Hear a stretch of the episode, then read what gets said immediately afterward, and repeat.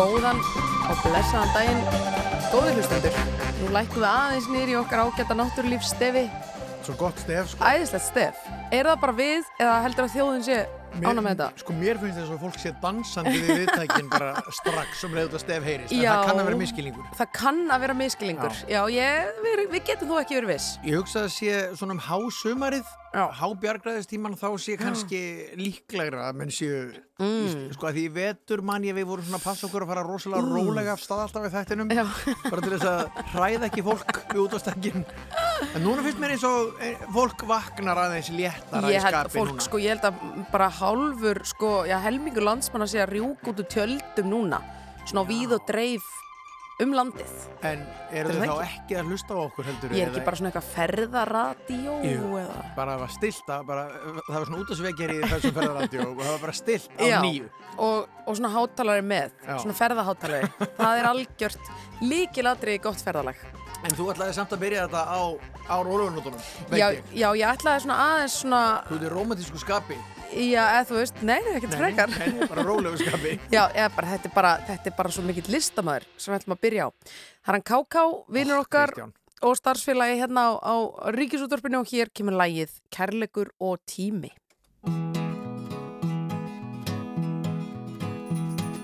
Kærleikur og tíminn lækna sár Eitt ári tímans hafi hundrað ár. Við erum vinir þú og ég og við öskum þennan veg. Þú og ég, þú og ég, þú og ég. Hamingjan er fyrir handan horn. Hún liggur þar og býður stundakorn Og við röltum, þú og ég, öðru hvoru hennar veg. Þú og ég, þú og ég, þú og ég. Eitt er víst og yngur fær því breytt Að þú og ég, við erum yfirleitt Alveg eins og ver og ber, alveg sama hvernig fer. Þú og ég, þú og ég, þú og ég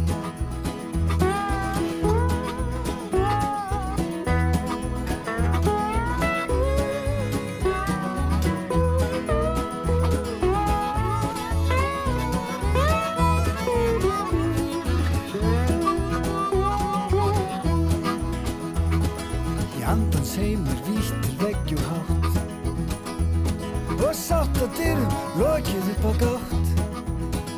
Týndu sögðir, týnast heim Teknir opnum höndum tveim. Hönd í hönd, saman við þú og ég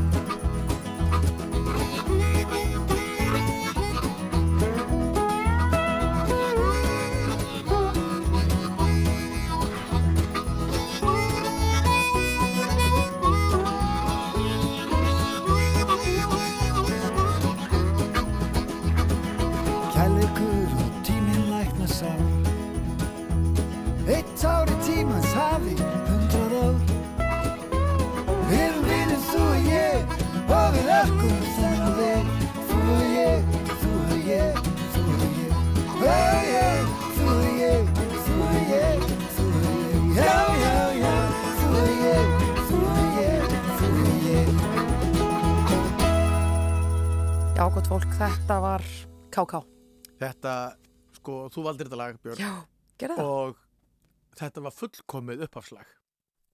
Takk. Þetta var fullkomið upphafslag. Þetta er ljúft en það er samt stuð. Það er, er peppað líka, samt. já en þetta er, pep, þetta er hel peppalag og það er svo mikið svona gleði í því. Já. Þetta er svona, þetta er, það er bjart yfir.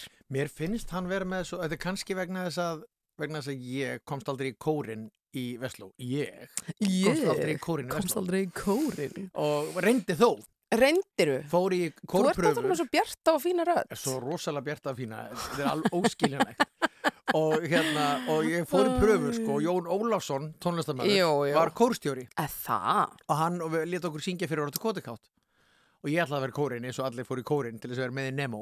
Já, og ég byrjaði á fyrir orðu kótikátt og svo kláraði við bara lagið og þá sagði hann bara eftir smástund er ekki bara nóg að gera hjá í leiklistinni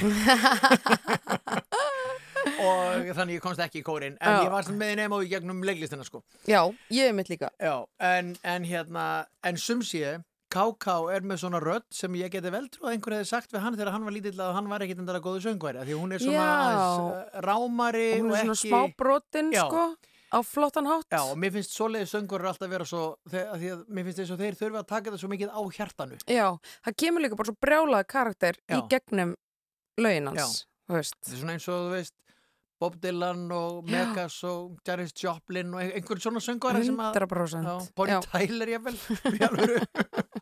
í Bonnie Tyler. Já, okkar gamla góða vinkona Ó, já, Þetta algjörlega. nú kannski að skella hérna Ég var einmitt að hugsa bara, verðum við ekki að taka eitthvað lag? Jú, við, við spilum lag með Bonnie Tyler hér á eftir Mm -hmm. Totally Clips of the Heart Herðu, það er geggja lokalag.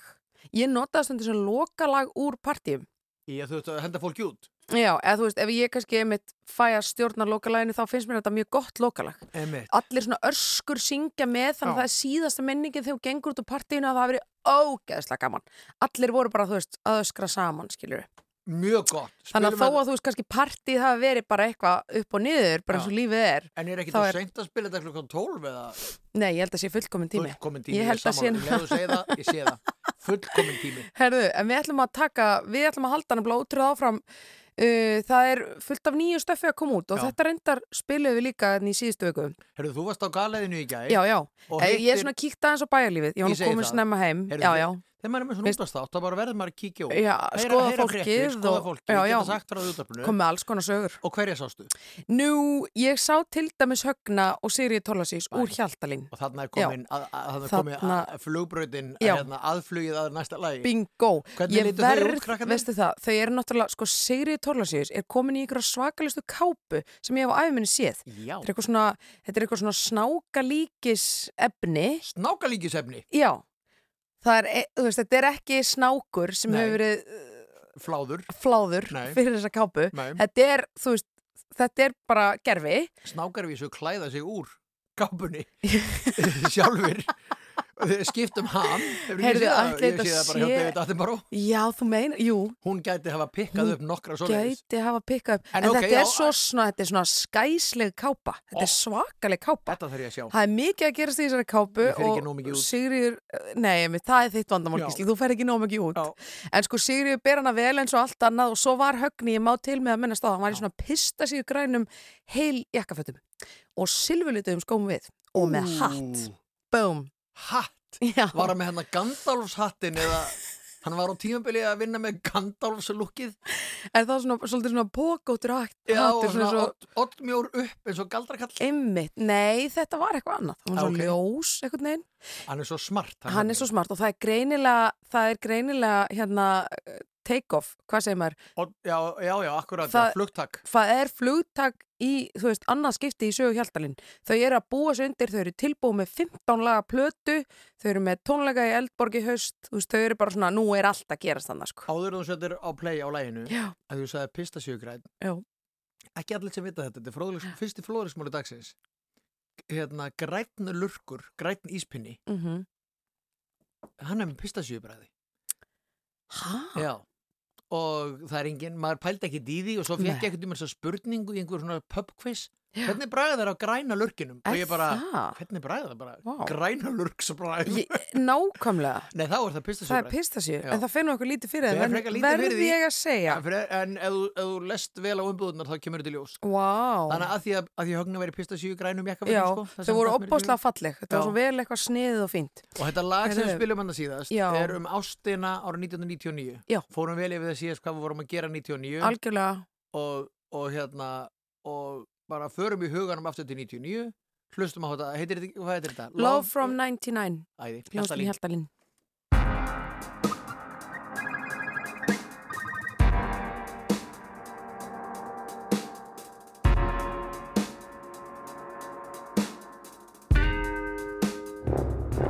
It's morning and we're blue. Cause what happened all night through was made for me and you. And now it's gone. There's a certain kind of love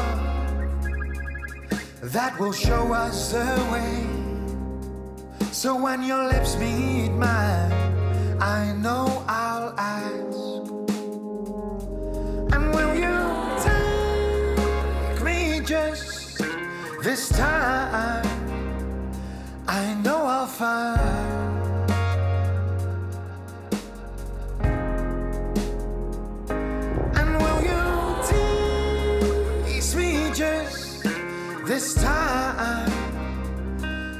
I know I'll find. I know I'll find love from 99. We got the feeling right in time drifted by. What kind of fool am I to let the world go by and lose another smile? What kind of lips every kiss and now I feel the miss? It's time for love from 99. We got to dream a life, but we had to say goodbye.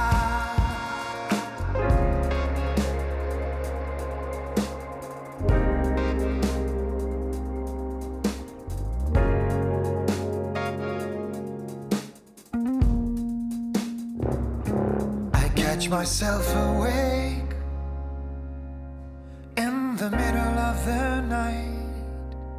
The bed is empty by my side once again. So I travel back in time to another century that was made for you and me, where I say. Love from 99. We got the feeling right and time drifted by.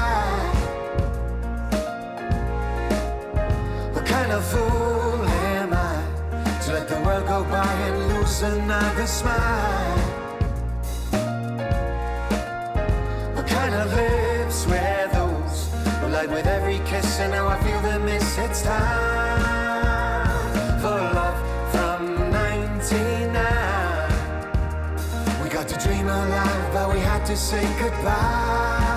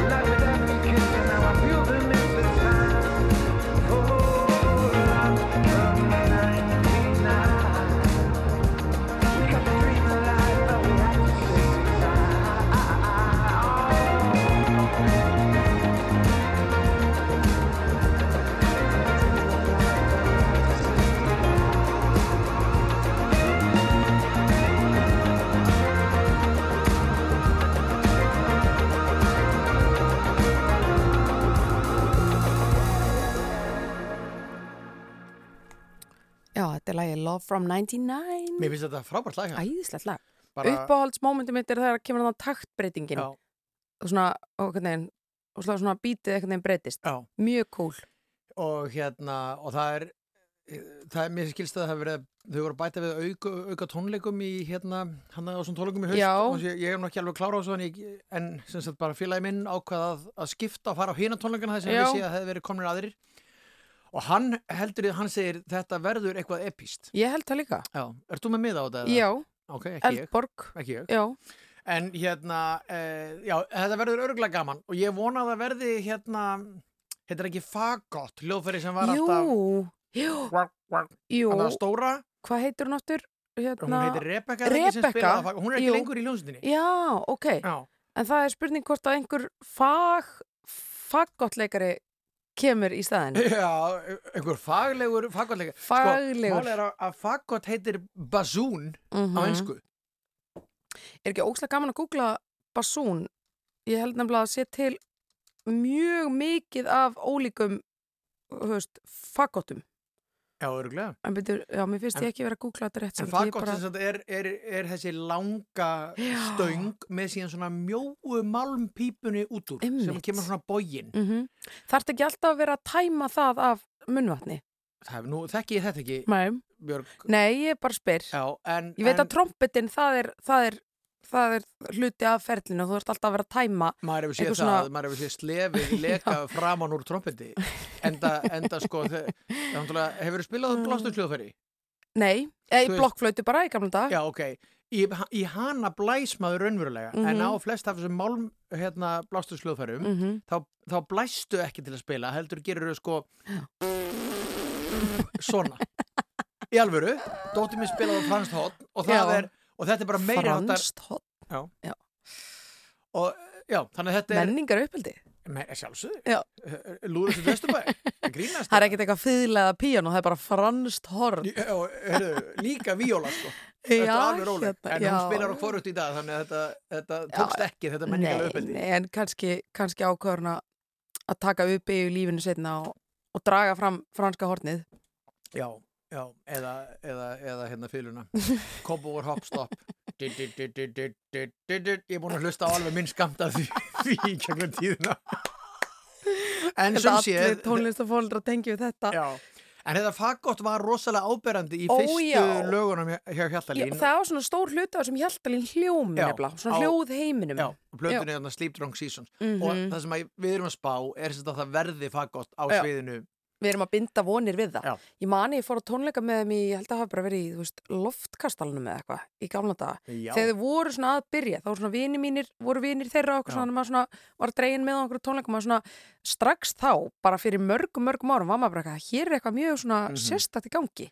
Mannum maður hugsaði líka ge- getur þessi MH enda löst dælt út hljómsveitum Nákvæmlega. Já. Já, hvað er málið með þetta? En hérna, um, nú, um, Nú. yfir í aðra hljómsveit sem að, uh, sem að, ég veit ekki allir, hún hefur ekki komið úr MH líka.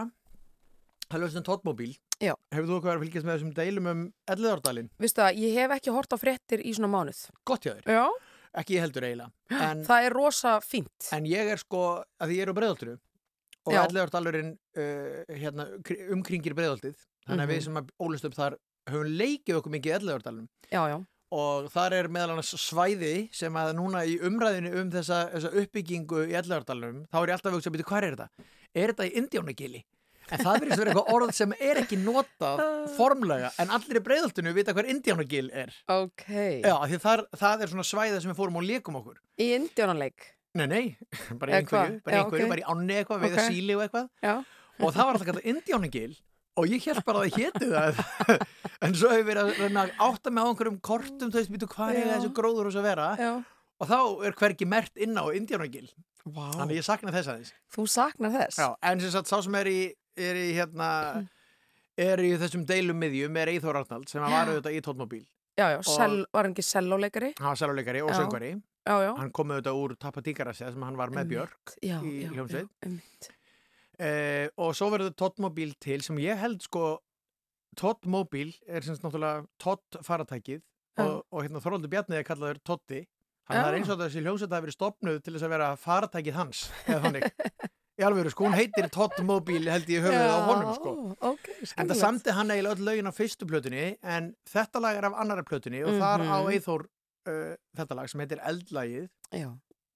Veistu hvað lag þetta er? Þarna, já, það er hann ákveðin lína sem við þurfum að sem er svo góð. Þess að allir sem elda indverskan mat setja þetta lag á fónin þegar þeir eru að gera nanbröðið þess að það er alveg eins og hann segi ég brenni nan í mér Þetta er eldlagið með tónmóbíl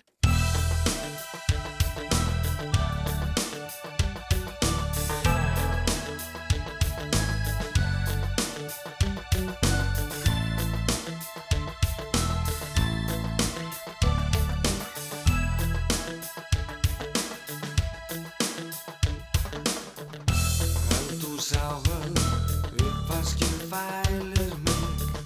Sjónvarp freistar, burt frá sjálfum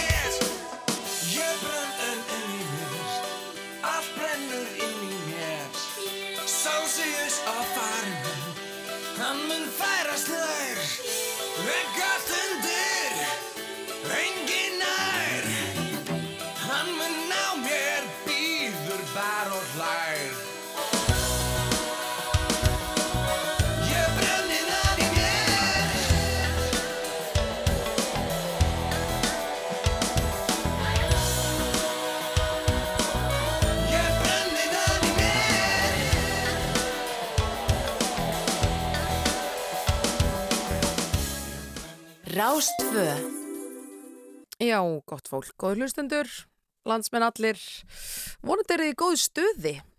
Það var náttúrulega líka. Við getum fullirt að við erum það hér í stúdíu 1 í efstaletunni og aðeins að kíkja á spanna. Hvernig, nei, herri, það er svolítið ský.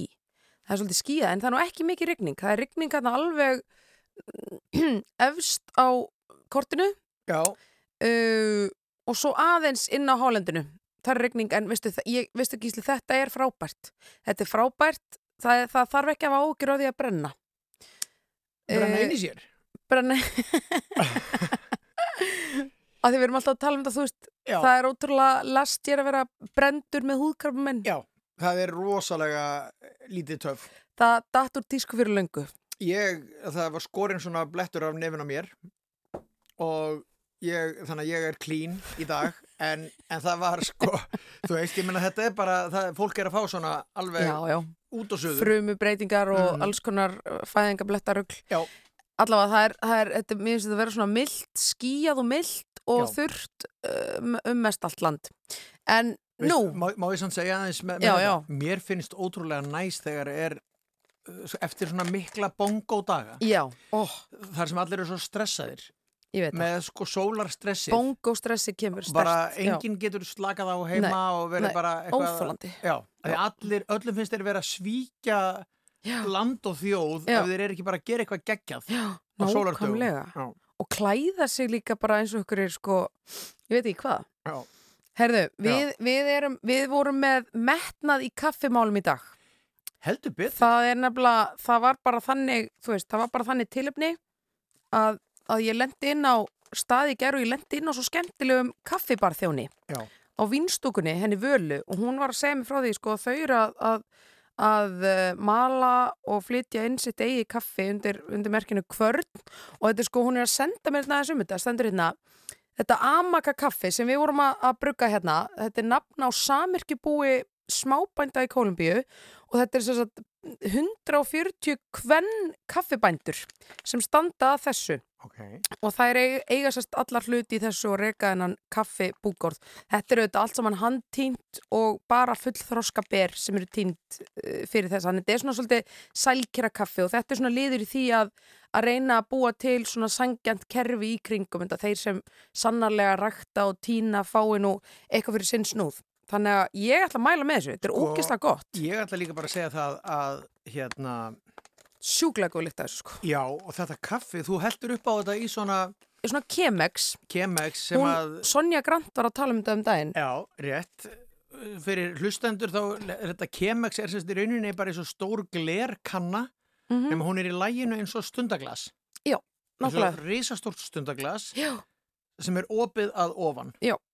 Með svona litlu glerloki. já, þar, þar hellir þú bara, þar setur þú kaffið í svona pappírstrekt. Já, og svo byrjar maður á því sko að hella, þú veist, vatni og bleita í rauninni allt kaffið, svo býður maður í 30 sekundur, Já. svo hellir maður svona, veist, nokkrar umferðir af vatni yfir, þannig að þetta svona síast einhvern veginn hægt og rólega. Já. Þetta er svona frekar grófmala, þannig að þetta hendar mjög í kemiksin. Þannig að við erum sátt við þetta og, og hún, er að, sko, hún er að segja þetta heitir eins og sé kvörd sem að þau eru með og Amaka heitir þetta kaffi Kolumbíu, við mælum með því og það verður sko, það er nefnilega svona matarmarkaður í Laugardal uh, alla helgina það er búið að vera uh, áður í sumar og kvörd náttúrulega að vera með espresso bar bjóða fólki upp á almennilegt og gott kaffi. Já. Við í morgunkaffinu hötum þetta ekki, sko. Nei. Þetta er skemmtilegt og, og, gerir, gerir daginn, já, gerir byrjunina allavega mjög góða, sko. Já, heldur betur. Herðu, Gísli Marteit, þú uh, sagðir frá því um daginn að, að þú og maki þinn um, eða maki þinn væri að lesa fyrir þig Halldór Lagsnes. Já, það er bara algjörlega harrétt. Eh, sem sagt, við erum búin að við erum búin að vera í sumar eh, með svona húslestur Já. heima hjá okkur þar sem vala les sjálfstöld fólk Já. Það Hún er er, svo náttúrulega gaman. kennari og er að fara að kenna hérna. Já, hún þurfti er að það lesa hana hvort þið er Já, þannig að svona, Já, og mig langaði líka að lesa hana vegna þess að ég hitti einhvern mann á, á förnu vegi sem var með einhverja þvælu fannst mér um sjálfstöld fólk en ég var ekki með nóg mikið sjálfströst til þess að einhvern veginn mótmæla því að því að það var svo langt sinni las bókina. Þannig ég ákvaða að, hérna, nýta farið og byggja völu um að lesa ekki hljóðu heldur að lesa upphátt. Vá, Við erum einmitt komin inn í setni hluta núna. Bókin er náttúrulega nokkri hlutar. Já, já. Fyrsti hlutin er landnámsmaður Íslands og bara svona lýsing á bjarti. Mm og, og hérna og síðan hluti tvö heitir eitthvað eh, mann ekki hún heitir og Já. síðan, síðan sem sagt er og þessi tveir hlutar eru, eru fyrir hluti bókarina sem kom út, bara áður en hitt kom út. Emmitt. og svo erum við núna í, í hérna þriðja hluta sem heitir Erfiði tímar minnum mig. Og, og þarna þessi bók er stórkostleg. Já.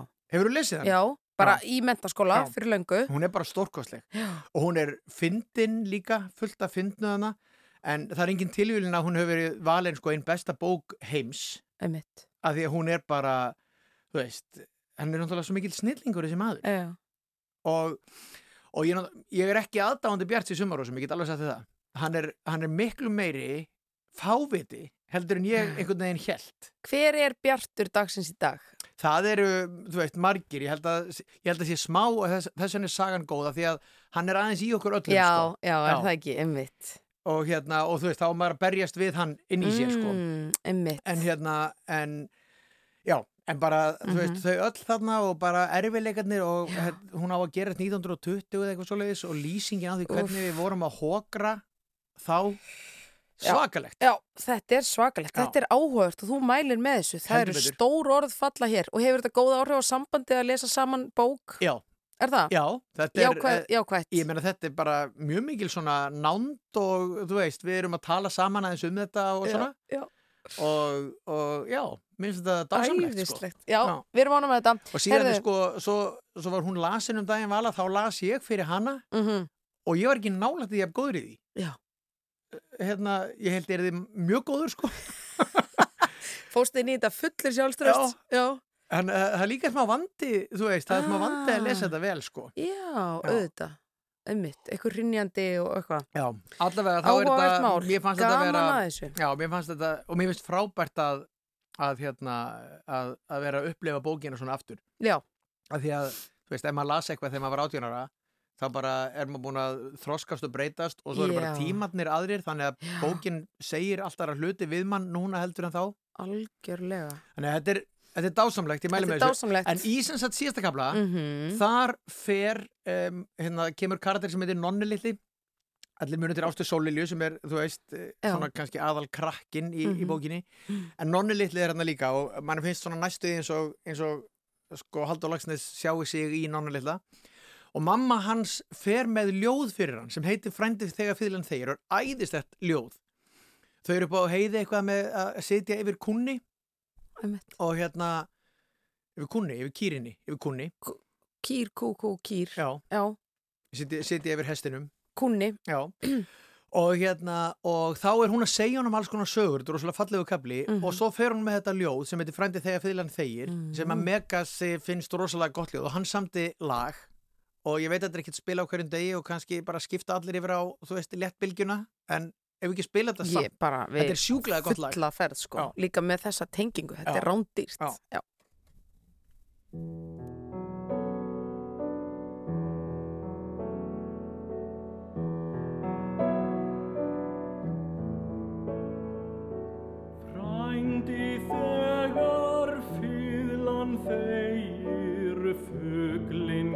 Þetta er ekki mega sko Þetta er eitthvað Þetta er eitthvað karlakór. Já, þetta, að, þetta, það hefur fullt af fólki reynd að gera Bíddu. lög við þetta Já. lag eh, og Bergþór Átundóttir gerði það líka og eitthvað svona en mega sem sagt samdi eigum við ekki hérna Hérna kemur þetta, jú, þetta er nefnilega, þetta er grafið hérna ofan í kistunni inn á, inn á uh, rúf. Já.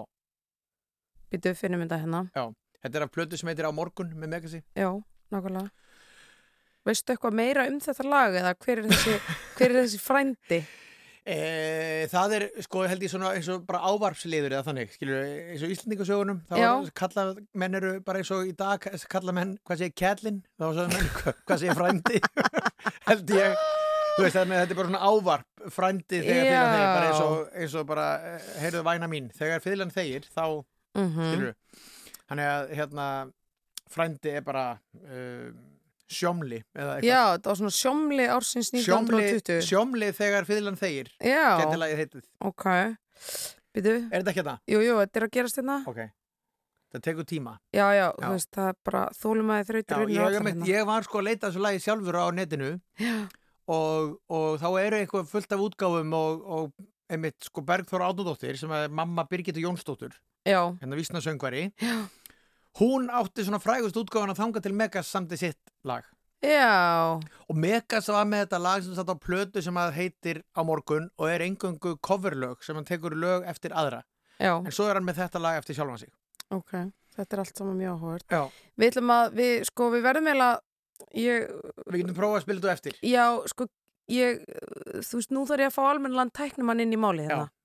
Kerfið er, að, kerfið er með vesinn. Já, þá skulum við bara spila eitthvað allt annað Já, Björg mín. ég er svona spáði hvort að við, hvort að við, hérna, hvort að við förum í uh, til dæmis, til dæmis uh, brunaliðið. Gerum það Förum í brunaliðið og sjáum hvort að við getum... Kæra vina kemur öllum í Nei, byttu, fyrirgjöðu. Hérna kemur þetta. Við ætlum að, við ætlum að fara, við bökkum aftur í planið.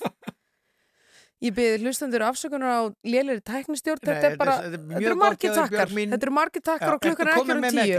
Ég komið með Megas og, senu þjóna. Og frændi þegar fylgjan þeir Já, sjómli þegar fyrirlan þeir. Kottum með það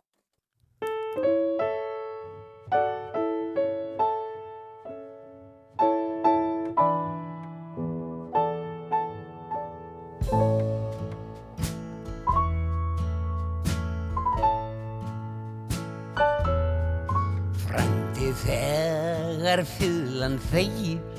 Fuglinn grípur látt að skjóli Þegar kaldir vetrar vegir.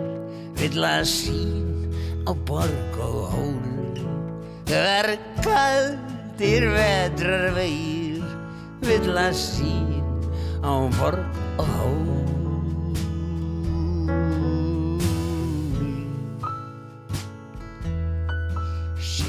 oft í óska hallum Ilmann skóum betri landa.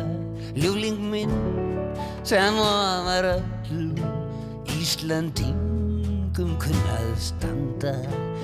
Ljúling minn sem ofar öllum Íslandingum kunnað standa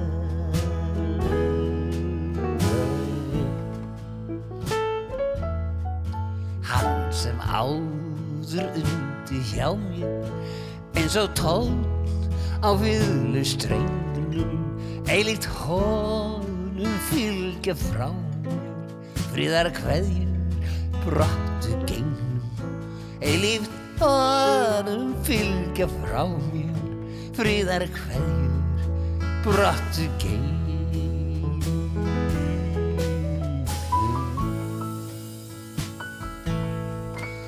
að brotni þorni silgur Þó að rakk við fylgu strengur. Hef sæmt hann einni fylgu Óskum mínum hvar hann gengur. Hef sæmt hann einni fylgu Óskum mínum hvar hann gengur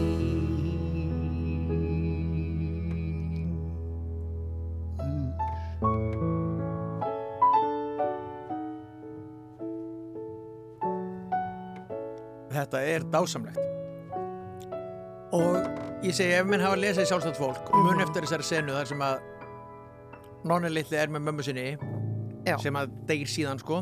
Einmitt. og hann er svona mun, mann síðan eftir þessu. Setna er að, að vísar í þetta sko kvæði. Já. og mér, það er svo gaman að sé komið þú veist að Megas hafi samið þetta lag við þetta. Mm allavega, takk fyrir að spila þetta Björg mín og þið Já, hlustendur fyrir að Það hlusta var smá átak en það hafðist. það hafðist, en þurfum við ekki að peppa okkur aðeins í gang eftir þetta Engi spurning, beint í brunulegi Kæra kæra, vina. vina.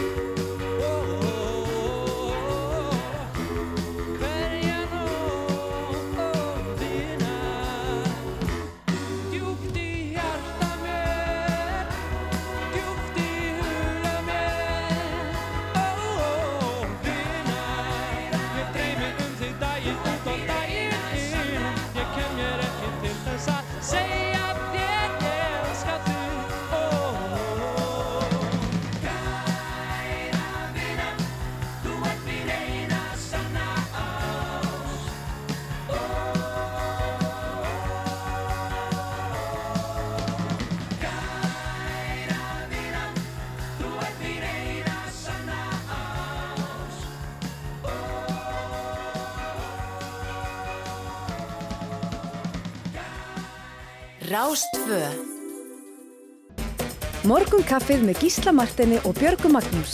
Alla lögadaga á Rástfö. Fyrst og fremst um helgar.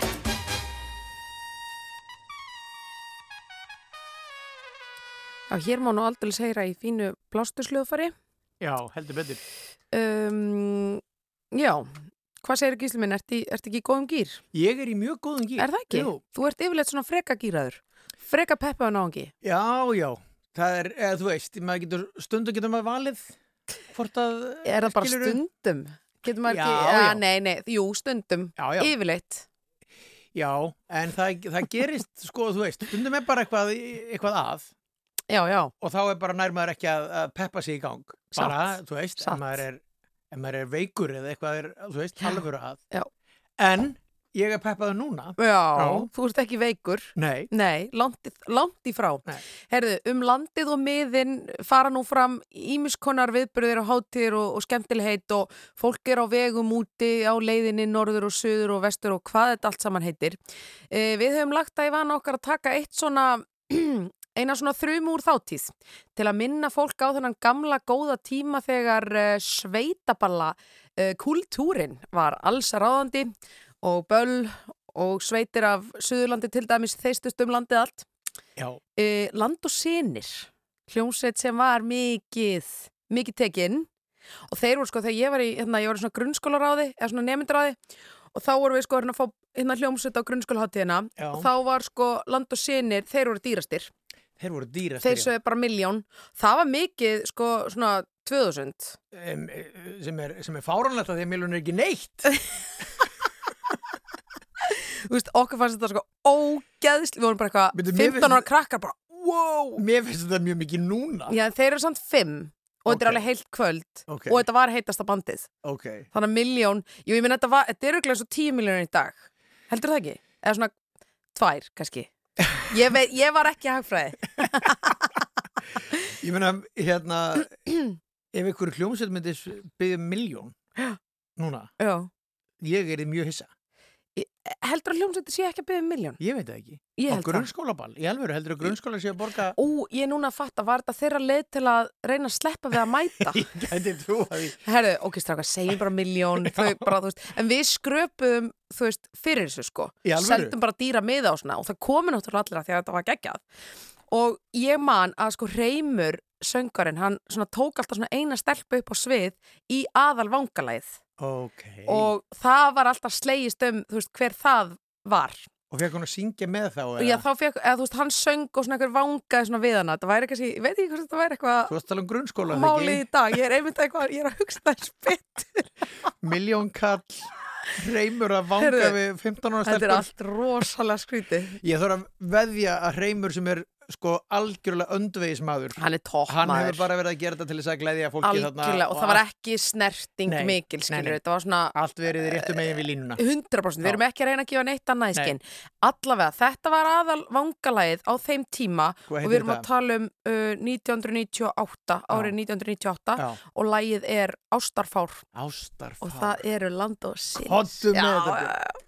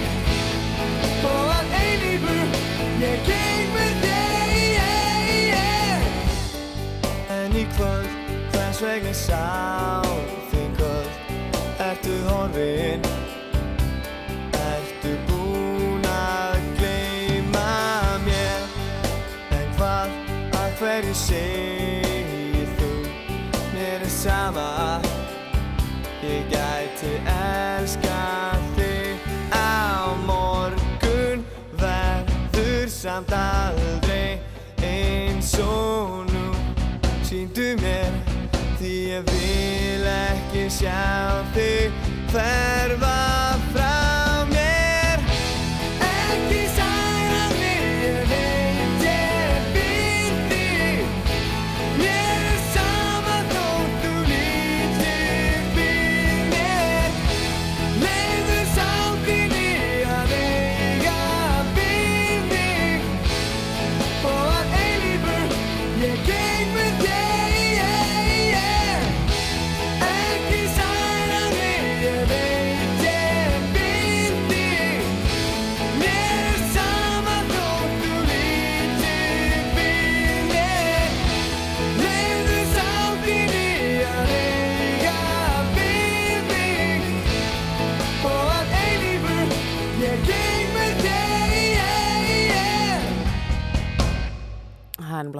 Ástarfár land og sinir uh, negla þruma úr þáttíð 98 ég man vel eftir þessu lagi sko. Ég kannast ekki við nafnið þegar hún sagðir þetta en, en ég man vel eftir þessu lagi. Já, þetta Geggjað er, lag. alveg, þetta er alveg miljón krónar virði klárlega já, já vel já, gert hjá já. nefndafélaginu Já, já, já, já, já. Arðaræna Nei, ég meina, þarna- þetta ball kom út í plús, sko. Það? Engar áhyggjur af því. Áhyggjur, já, já, já. Það voru traust fjármálastjórn þannig í grunnskóla ráði. ég er bara ekki efi í mínum huga Æj, æj, æj. Herðu, er eitt smjörið. kaffebolli og, og Ég eitt held lag það. áður en tíu fréttir Bresta, Bresta bresta á. í gang, Já. já.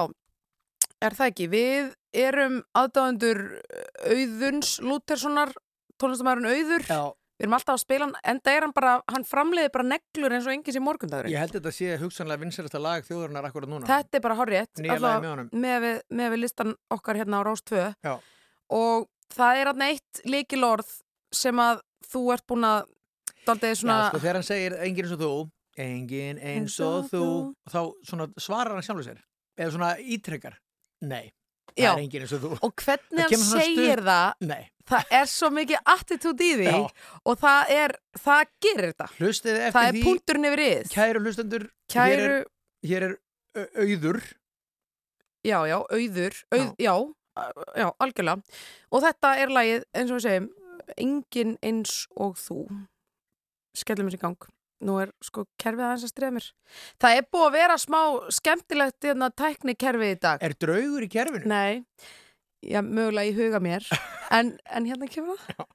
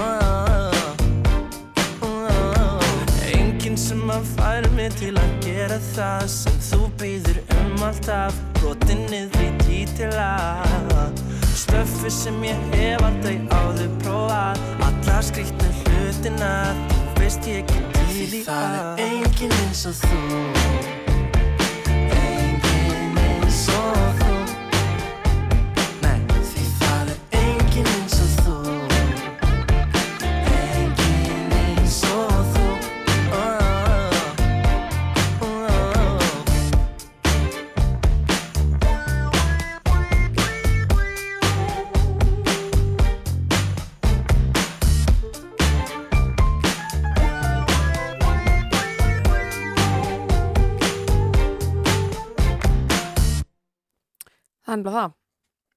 Vonandi tókuð eftir þessu, þarna, nei, nei, nei, nei, það er engin eins og þú engin eins og þú, nei nei.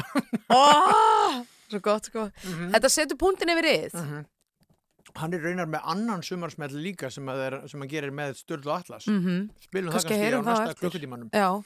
en hérna á eftir koma tveir gestir til okkar uh, eins og venjulega á laugadögum þau heita Lóa Björk og Hjörtur Jóhann Mhm. uh, Lóa Björk er uppistandari og er með útvarpsþátt og hlaðvarp og Hjörtur Jóhann leik Ríkar Þriðja Já, fekk grímuna fyrir það. ég fekk grímuna, þannig að þau eru Mm ungt og skapandi fólk, bæði mjög skemmtileg þau verða hérna á 11. tímanum en það er komið að fréttum Rástvö Fyrst og fremst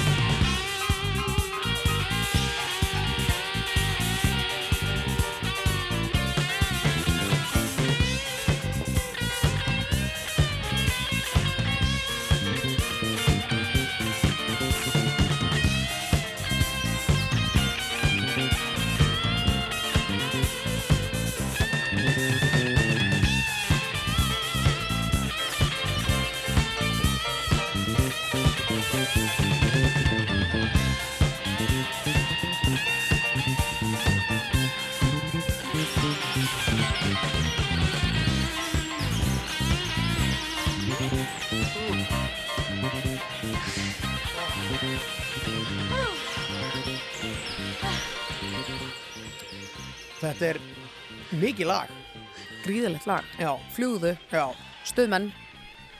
Ingólfur og Helgi Péturs námu nema fulltróskuð ber eða eitthvað líka Já. hérna í, Já, þetta var, svona byrjuðu við tíundatíman. já, Það er bara þannig. já og það eru endalusar flugfréttir í sumar Já, Eh, vap og það. Já, vá og vap Já, og hérna, og svo er fyrsta frétt núna er, var eitthvað, eitthvað flugdæmi hérna? Eitthvað, eitthvað flapsaðir fór ekki niður eitthvað, þeir eru að fyrsta já, frétta núna já, í, nei, í, tíu ég, fréttum já, ok, já. og hérna, og, og þetta er, það er aðeins einkennandi, þú veist, það er alltaf verið að tala um þú veist, hvaða flugfélög eru að auka sæta frambóð til Íslands og Já, já, við erum einhvern veginn, við erum aldrei verið jafn mikið með puttan að þessum púlsi. Satt. Hef, finnst þér þú finna fyrir þessu að ferja hérna ferðamenn? Færri? Já. Nei, Nei, ekki, Nei, ég segi það ég segi bara eins og auðin. Já. Nei, Ég segi það sama, ég var lappaði niður gær og, og bara miðjan dag var stappað fólki á ég veit það, já. auðvitað fullt af ferðamönnum er líka fullt af íslendingum. Tónlist víða úti Já, eitthvað bara svona. geggjaður Ef ég hugsaði bara, heyrðu, þetta er bara, þetta er passlegt. Hérna, þurfum ekki fleiri. Nei, mér finnst bara alltaf því ég farið á þessa staði hvort sem er laugar, laugarvöllurinn, laugar laugavegurinn eða ég var nú að segja frá því fór hann í Hallgrímskirkjur turnum daginn og það var sko krökt af ferðafólki. Já. Bara, já, þetta er alveg nóg. Herðu, áfram með góða tóna, Já, við erum, já, já, við svona flökkum aðeins milli áratuga og, og svona. Hér er það sko undarlegt með unga menn, er það lag. Já. já.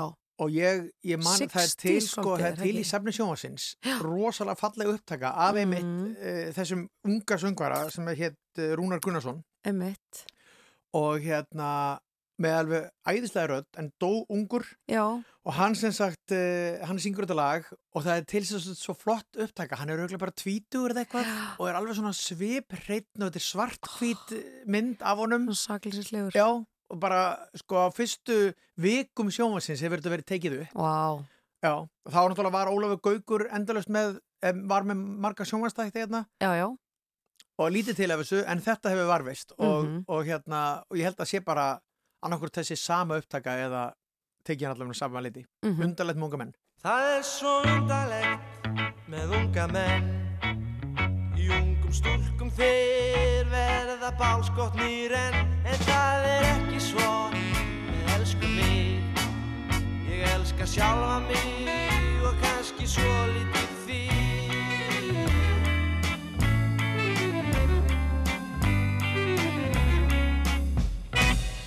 Víst er það undarlegt með unga menn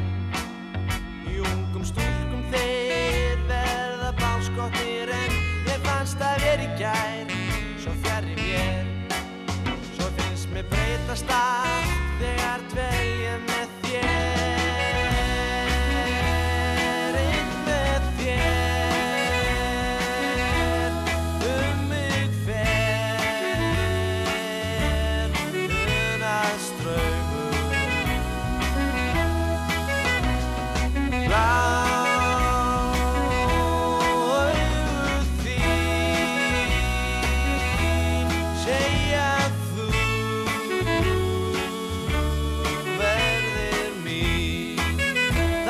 svo undarlegt með unga menn. Í ungum stúlkum þeir verða bálskotnir en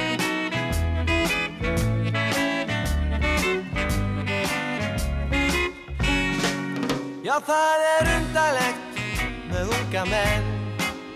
Í ungum stúlkum þeir verða bánskottir en ég held að ekki svo með elsku mig Ég elska sjálfa mig þó held ég enn meira þig Já, það er undarlegt með unga menn Víst er það undarlegt með unga menn Það er svo skrítið, skrítið Já, það er svo undarlegt með unga menn í ungum stúlkum þeir verða bálskotnir en Mhm. það er ennblá þannig. Og fyrir fólk sem vil fara nánar í þessi fræði þá er verið að byrta svona lista yfir uh, eftirsótt innleft fólk allstaðar. Ég er að sjá að það er glænýr listi yfir hvern fólkin á mbl.is. Já, Það er bara þannig. Svo sá ég, hérna, varum mitt kallalistin komið gær, Gunnar í krossinum og kalla listin komið og tala bara um þetta eins og kalla listin komið gær þannig að það bara eins og sem búið að velja landslið Já, já, nefn, ég finnst þetta svo stórskendilegu listi, það er hérna, uh, já, Gunnar í krosnum og ásand fleirum, fleiri hann, góðum. er hann heitast í Pjöpusveit landsins Ég sem að segja? samkvæmt þessu, eftirsóknarverðustu einleipu menn landsins. Nei, nei, það er nú margir svaka flottir hérna, sínist mér. Já, Mm sögðu mér einhverja Nei, nei, ég, á ég að fara, að fara aðeins yfir þetta? Nei, ég meina, ég er ekki búin að sjá hann að lista Ég, Sko- ekki, ég er ekki við sem ég myndi klikka á hann heldur ef ég sæði þetta Nei, emitt, ég veit ekki hversu ná ég að fara út í þessu mál. Nei, ég veit ekki Ég heldur er auðvitað að setja punktin bara. Nei, þetta er skemmtilegt. Þetta er, þetta er nú bara svona dægra stytting. Gaman að þessu. Herðu, áfram höldum við með fjörið. Já. Við erum þekkt fyrir að vera áhuga fólk og eiginlega í rauninni bara starfsmenn Eurovision. Já. Við höfum verið að vinna við þetta og, og það eru alltaf mörg frábæra lög sem að lifa góðu lífi eftir keppnina og við ætlum að draga hér eitt fram í dagslösið. Ég held að Íslandingar hafi gefið uh, þessu lagi fullt af stigum. Já, er það ekki? Jú, tíu stig minni mig. Alla, já, Í, við hérna, gáfum, gáfum við ekki svíjónum 12. Nei, nor Við gáfum normunum. normunum, Og ég held henni Kate Miller Heidke frá Ástralíu tíu Mhm. stig. já.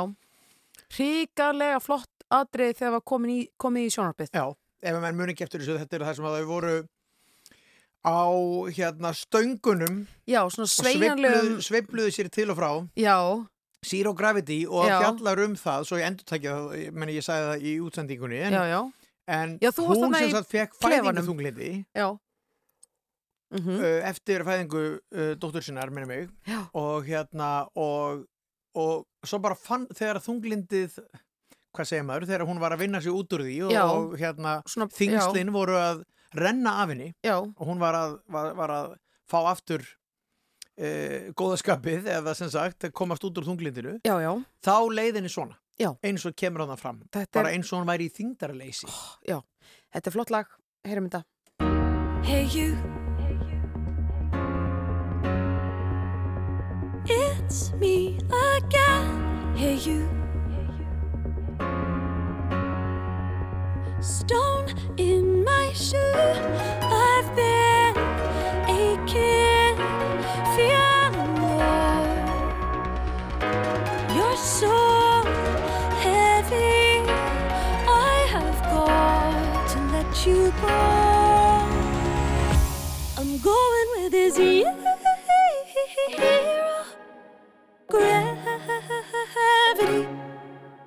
Zero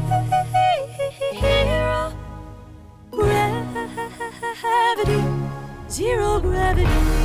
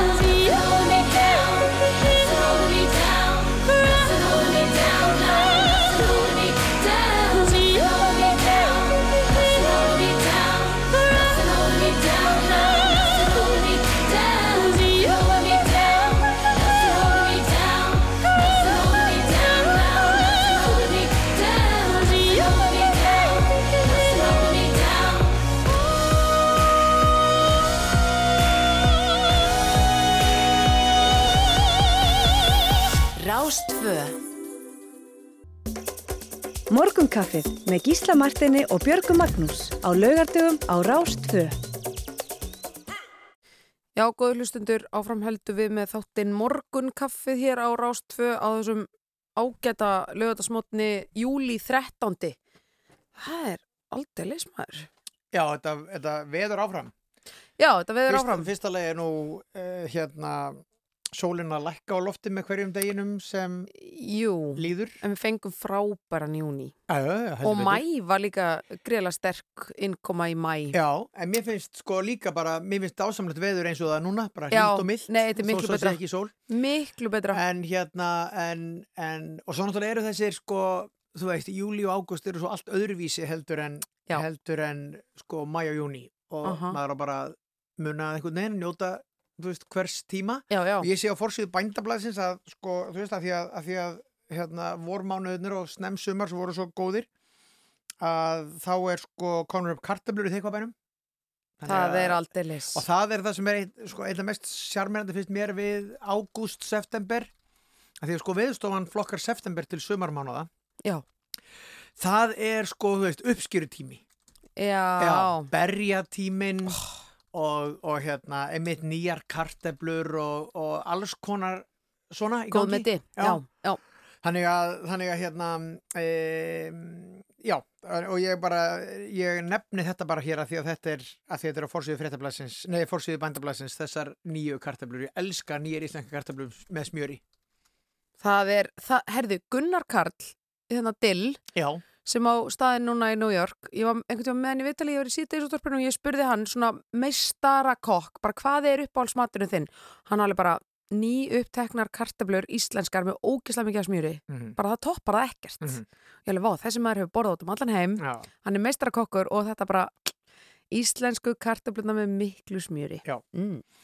Er eitthvað meira í blöðunum? Um, já, já, það er fórsíðu viðtal við Þórdísi Kolbrunnu Reykjörðu Gilvadóttur. Já, um, yðnaðar, nýsköpunar, ferðamála og dómsmálar á þeirra og það er mjög gott viðtal. Mér finnst hún alltaf svara ótrúlega vel þessi unga kona. Já, hún er öflug. Já, hún er öflug og hérna og þetta er viðtal sem Óluf Skaftadóttir tekur og, og hérna eru þetta heilmikið um þriði orkupakkan og svona. Já, gleði, gleði. Já, já, og hún, Þórdís Kolbrún segir einmitt sko að, að því að, að, sjálfstaflokkurinn er náttúrulega með tvo fyrverandi formenn sem að eiginlega steyði ekki flokkin sem er svona svolítið Mm. aðtiklisvert mm Og hún segir að bara, já, já, bara fínt að menn hafi skoðanir og hún segist taka bara svona álíka mikið marka á, á, á hérna ungum sjálfstæðismanni sem hún hitti á förnum vegi eins og gömlum sjálfstæðismanni sem að skrifar greinar í blöð -hmm. sem er svo bara kokkraust hjá henni og, og fínt. Já, já, er það ekki bara fínt? Eh, síðan er á forsíðu hérna eh, Sunnudagsblaðs Mokkans, ég er að tegja mig hérna í þetta. Já, Þar er viðtal við Jón Gunnar Benjaminsson sem að e, þar á að nota hjólastól eftir bílslis sem hann lendi í fyrir rúmlega tíu árum og en er mikill veiðimæður er, er á Ok. árbökkunum að veiða og getur verið á Ah. fjórhjóli í því nöyt ekki búin að lesa Frábært. viðtalið en, en svona búin að skanna þetta og þetta er, þetta er mjög hérna, þú veist, það er mjög gaman að lesa svona viðtöla því að þau Já. setja einhver dægur vandræði manns í svo gott samhengi. Segðu, Já. segðu, maður getur þakka fyrir margt sko. Já, síðan er hérna umfjöllun uh, bæði í mokkanum og fréttablaðinu um bandaríska kvennalandsliði í fótbolta. mm Því líkar hetjur, ertu búin að að fylgjast með þessu? Ég, ég sko, já, ég er búin að fylgjast mjög mikið með þeim að fagna. Þetta er bara, þetta er bara best í heimi að byrja bara að því að skella nokkrum uh, klippum af þeim að fagna bara í gang til að keira sér inn í daginn sko. Já, þær eru búin að vera svo ógeðslega flottar Ég veit það og hérna ver, eru búin að vera viðtölum allstaðar Mhm. og ég hugsa bara, hérna, ég meina ég hef hort á viðtölu við fótboltamenn algjörlega mér til óbóta alla æfi Mhm. og Þeir segja aldrei neitt gísli Það er alltaf það sama þær sem þessi kallar segja Já, kannski, ég ég veit ekki, Já. kannski er eitthvað kynja munur þarna en ég- það er að minnst okkur þannig að það þær sem að þarna hafa verið í forsværi uh -huh. Tala bara eins og einhverjir, ég veit ekki, heimsbyggingar eða stjórnmálumenn sem hafa aldrei gert neitt annað en að koma fram og halda ræður. Þær eru bara allar óksla klárar og, og einmitt skemmtilegar og orðefnar og fyndnar og þær eru bara með þetta. Já, Sko, íþróttaviðtölu eru oft svo ógeðslega leðileg að því að fólk bara segir ekki neitt en þa það kveður við nýjan tón í þessum viðtölum. Já, og kannski, kannski sko er þetta, veist, hugsanlega er þetta okkur að ke- kenna líka fjölmjölumennum, kannski voru spurningarnar líka einhvern veginn vitlausar og skrýtnar. uh, og þá er þetta að verða svörin það líka, ég meina Mm. svo kemur Ólafur Stefánsson til dæmis og, og er bara með heimsbyggileg svör og, og píp og eitthvað, píp sem satt eins og píp, bíp, bíp. En tengist þetta ekki því að, að því að hvern íþróttamenn geta venjulega ekki bara helgas íþróttinni þannig að þær þurfa að læra hluti og fara í nám og vera í starfi og vera í samfélagi manna þannig að þær kunna að veita skemmtileg tilsvör í viðtölum meðan kallarnir eina sem þeir gera er að sparka einhvern bolta Uh, ég er ekki vissum að þetta sé rétt hjá þér. Í fyrsta lagi held ég að þessar stelpur sem eru í svo bandaríska kvennalandsliðinu, þær eru búin að atvinnumenn bara mjög lengi Já, síðan voru já. college væntanlega, Já, sem er sko átján ára. mm -hmm. Uh, ég veit allavega ekki til þess að þær séu eitthvað meira mentaðar heldur en strákandi. Nei, nei Og svo verði líka að taka upp hanskan fyrir kynbræður mína að þeir eru alveg í samfélagi manna, Björg hvað heldur Ég er aðeins að djóka. Það má.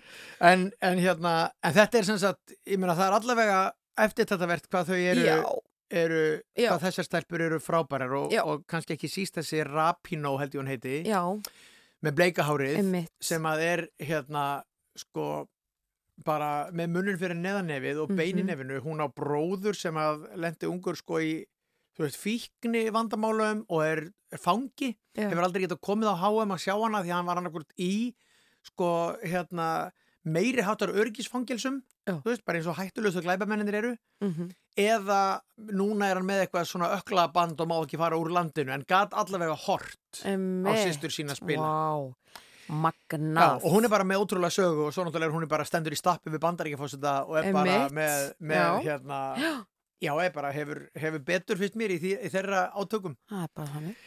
Já, já, Heyrðu, nóðum eh, þetta það koma góðu gestir hérna eftir, Já. eftir fimm eða tímyndur Já. Um, og þau ætla að segja okkur allt um það sem að þau eru að sýsla. Já, þetta er Hjörtur. Jóhann, verðlaunaleikari af grímunni. Mm og Lóa Björk sem er með útastáttin Musli á 101 útastöðinni og er með hlaðvarp sem heitir Athyglisbrestur og lokasti Já, mjög skemmtilegt Já. eh, hlaðvarp. Og var með uppistand núna í vikunni og er uppistandari þannig að þau verða skemmtileg og Já. eru vantarlega hér á hverju eru stundu. en við viljum enn og aftur minna fólk á að nú er í gangi helgar frí og það er bara eitt lag sem að ætlum að negla á fónin. og sá sem að syngur það, ekki Jón Jónsson heldur Jón Kristófer, er einmitt með morgunþáttin með Lóa Björk sem er að koma Þarna ykkar lokast hringurinn beint í lofti með þetta. Ég set mér rétt að gýrin í að því Það er komið helga frí Kanski bústa, kannski í partí Það er komið helga frí Komdu með mér í, komdu með mér í helga Í helga frí, Komdu með mér í, komdu með mér í helgar Í helga frí Já, meir en miljón fyrir skápi minn Já, hún þakkir alltaf strákinn sinn Já, Jói Chris legur út um allt Já, og hittir alltaf sláinn inn. Er að vinna allar helgar svo að þetta er ekkert frí. Allir vita hvaða hverfi ég bý Ekki snúa þér við. Munda þessu missa Joey Crest og Johnny Boy vill báða okkur kissa ey. Ég set mér rétt að gýrin í að því Það er komið helga frí Kanski bústa, kannski í partí Það er komið helga frí Komdu með mér í, komdu með mér í helga Í helga frí, já Komdu með mér í, komdu með mér í helga oh, oh, oh, oh. Í helga frí oh,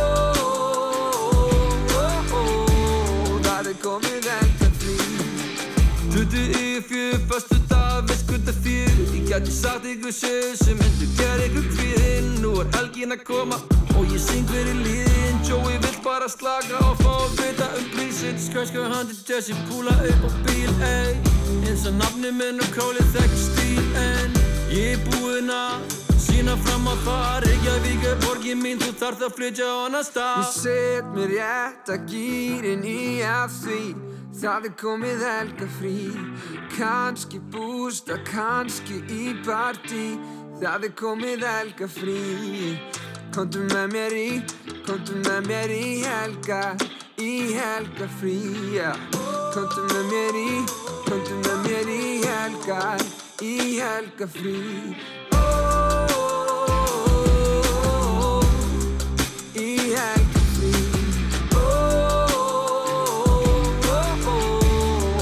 komið helga frí Ég er farinn, læt mig hverfa í smá á staðinn sem ég hitti þig á. Bara aðeins komast látunum frá, já. Já, ég þarf þig að sjá, ég er farinn læt mig hverfa í smá á staðinn sem ég hitti þig á. Bara aðeins komast látunum frá, já. Já, ég þarf þig að sjá, ég er farinn Læt mig hverfa í smá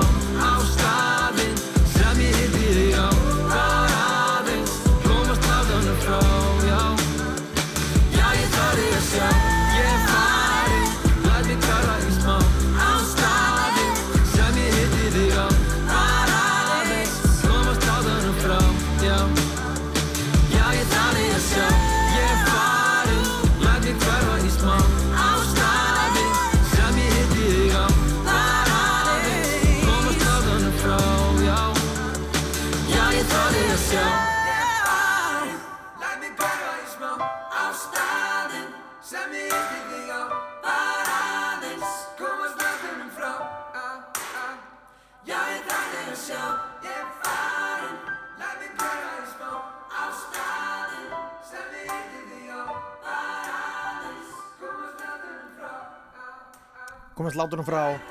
Ég þarf það að sjá. Mér finnst það stórfínt lag. Æðislegt. hjá Jóhanni Kristófer. Mm -hmm. er að Jón Jónsson með sér í lið. Mm þannig að ég held að sko ef menn voru ekki orðnir peppaðir fyrir þetta lag þá eru orðnir það núna, myndi ég segja. Eh, Já. en okkar góðu gestir eru komnir í hús. Þau eru ná sér í kaffi. Kefi á kentin. og um, þetta er Lóa Eh, Björnsdóttir Já, sem, sem er nú þekkt útvarskona þannig að hún er hér öllum hnútum kunnug og Hjörtur Jóhann. Já. sem að er þetta grímu veluna hafi og leikari Stórleikari. Stórleikari. Stórleikari vil ég segja. menn þekkja hann auðvitað kannski ekki síst úr ríkari þriðja en, en Svo nýjasta dæmið. Já, en var líka, varst ekki skarpjöðinn í njálu eða? Jú, jú, Já. mikið rétt, mikið rétt. Eftirminnilega. Já. Einmitt, verið velkomin bæðið tvö Takk Þið ráðið hvort þið hafið þessi headphone á ykkur eða ekki Já. Já, Mér finnst bara mjög fínt að hafa þau sko. Er það ekki? Þú ert Gírinn, náttúrulega svona út af stjarnar. Þannig að þú ert vön því. Já, veit, veit ekki hvað sem ég kallar mig út á stjörnu sko en ég er í útvarpi Ok. Ég er alveg aðeins svo mikið í Hógværðin sko uppmáluð. Ég er kannski sexinum í viku í Er útvarpi það? Já, með morgunþáttin. Já, sko, ég er með morgun þáttinn Nei, nei, herru, sorry, svo mikið er með þeim, Þú veist ekki lengur bara hvað klukkan er, sko. Sko, ég stundum að taka upp tvo klukkutíma í beinni útsendingu í síðdeinu og svo beint að taka upp podcastið mitt ég bara tala of mikið og svo er ég hérna núna Ég bara? Þú getur, Ok. þú getur farið að vera með svona sko reglu að tala aldrei nema að sé sko Ég þarf bara að spara Já, það, sko bara, bara. Það kostar að hlusta á því tala. Já, þetta er rándýrt. En hvað segið þið? Þið rifið ykkur upp hérna á, á góðum júli mótni Já, já. til að koma í kaffi til okkar. Bara Já, takk fyrir bóðið. Mamma vakti mig? Býrðu enn í fóldrahúsum sem sagt? Nei, sko, ég bý með sýsti minni En mamma þín vakti þig? Já, hún vildi endilega skvilla mér Já. Hreisti mér ekki til þess að taka strætó hingað og hún hæði bara rétt fyrir sér Vá, Já, Áhugavert. Hver Mhm. vakti þig, Hjörtur? það er sonu minn, fjárara. Já. Það kemur svona úr hinum endanum, sko. Mhm. Það Já. tekur ekkert mála að vera eitthvað að láta býða til sér, sko. Er það þá bara, þú veist, 6.15 eða eitthvað? Nei, nei, hann er mjög góð um mig. Það er átta, það er mjög tæmilegt, sko. Ok. það er óslega góðu tími til þess Það að er innri klukkan hans er svo sterk, sko. Það skiptir engum máli hvenær hann fer að sofa, sko. Bara hann Ah. vaknar klukkan átta, sama hvað, sko. Prófaði ekki tíma að láta hann vaka til sex um morgun Nei takk, nei takk Ég að, ára barn.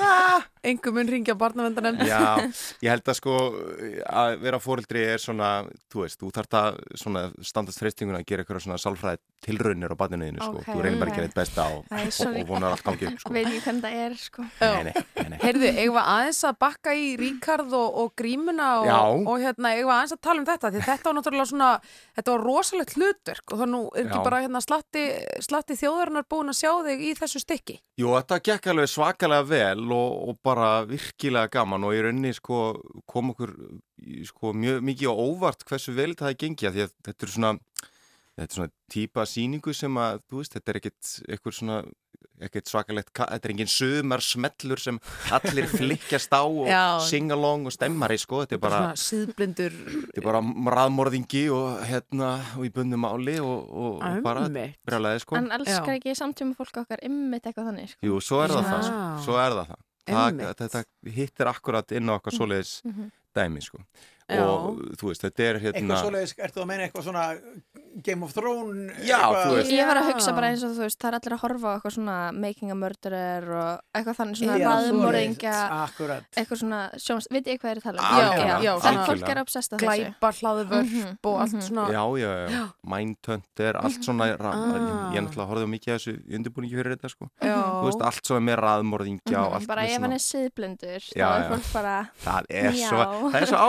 Það er svo, áhugaverð. Það er saman með valdabröld, sko. Fólk elskar Já. það líka. Allt svona, allt svona intrikasíur í svona rétt, eitthvað svo í eitthvað Svona klækir. klækjur og... og ú, eitthvað fólk að klífa metrastígan, hvað gerir núna hans í steinskis, eitthvað svona Já. stemming, sko. En þetta var sem sagt í rauninni þessi vetur hjá þér sem var Já. mjög stór á þínum ferdi Já, já, já, já, já. Hann endar sérst á því að þú færið uh, kannski stærstu leikaravelunin sem er í bóði á Íslandi Jú, jú, Var þetta ekki, er, ertu ekki ennþá svolítið að melta þetta? jú, bara mjög mikið en þá mikið, en þá Já. melta þetta. Já. Og já, þetta er svona, já, ég veit ekki svona valla hvernig ég á að, að snúa mér.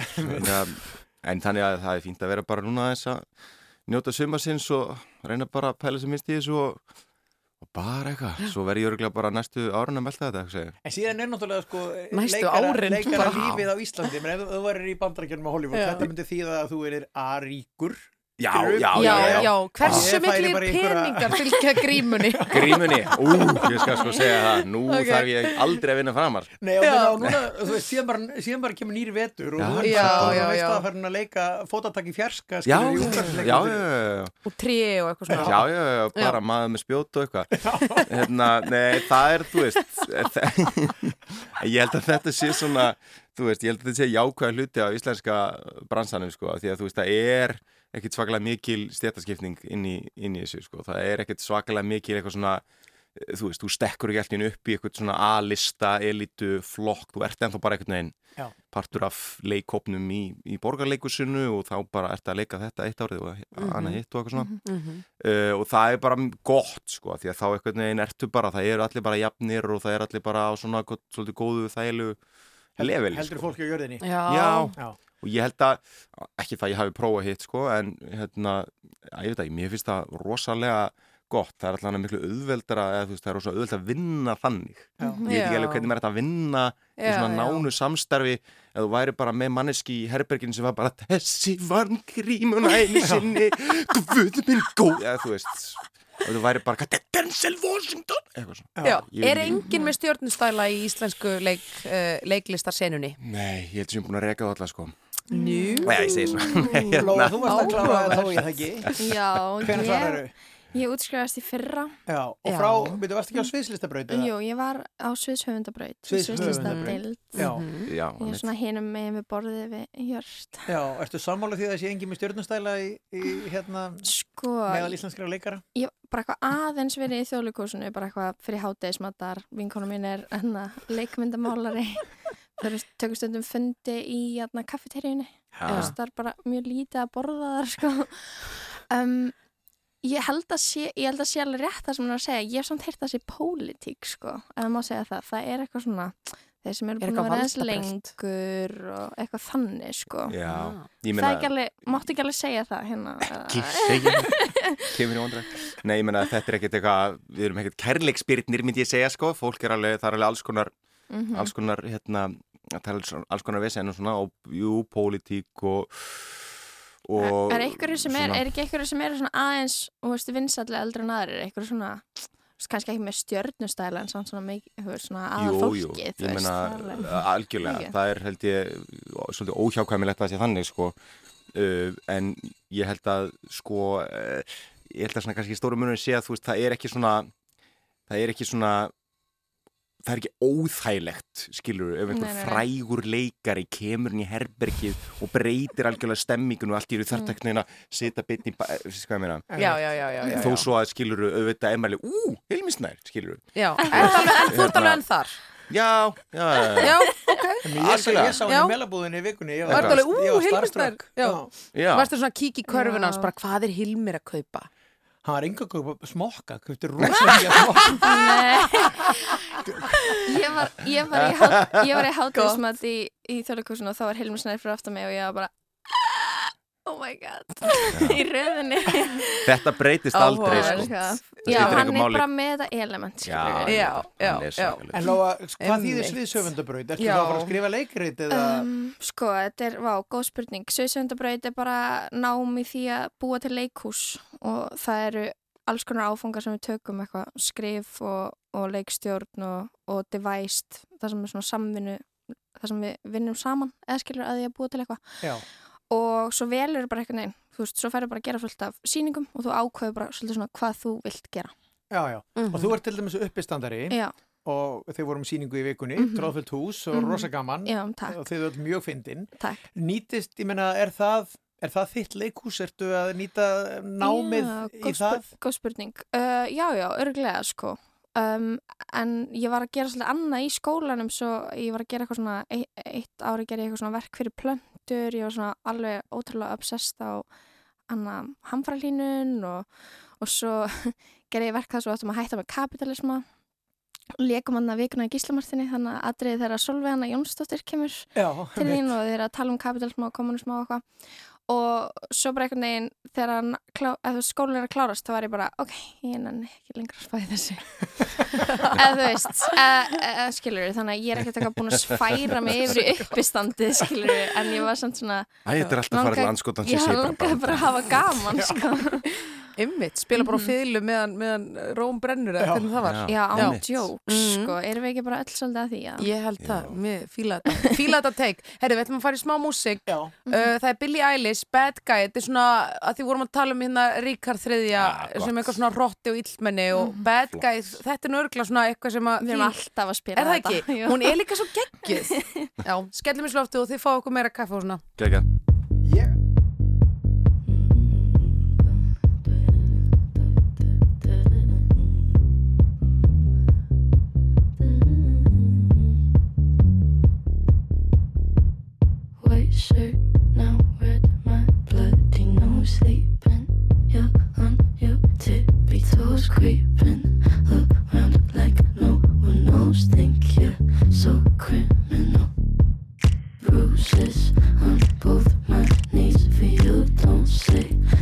you. Oh, please, I do what I want when I'm So you're a tough guy, like you really rough guy. Just can't get enough guy, just always so puff guy. I'm that bad type, make your mama sad type, make your girlfriend mad type, might seduce your dad type. I'm the bad guy. Duh.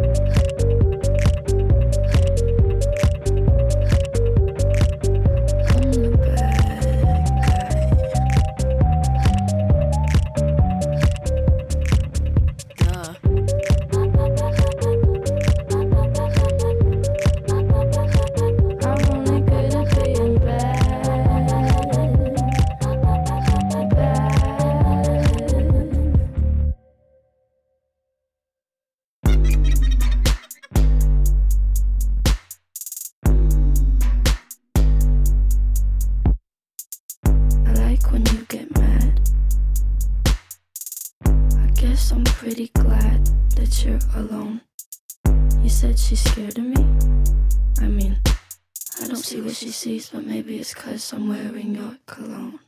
I'm a bad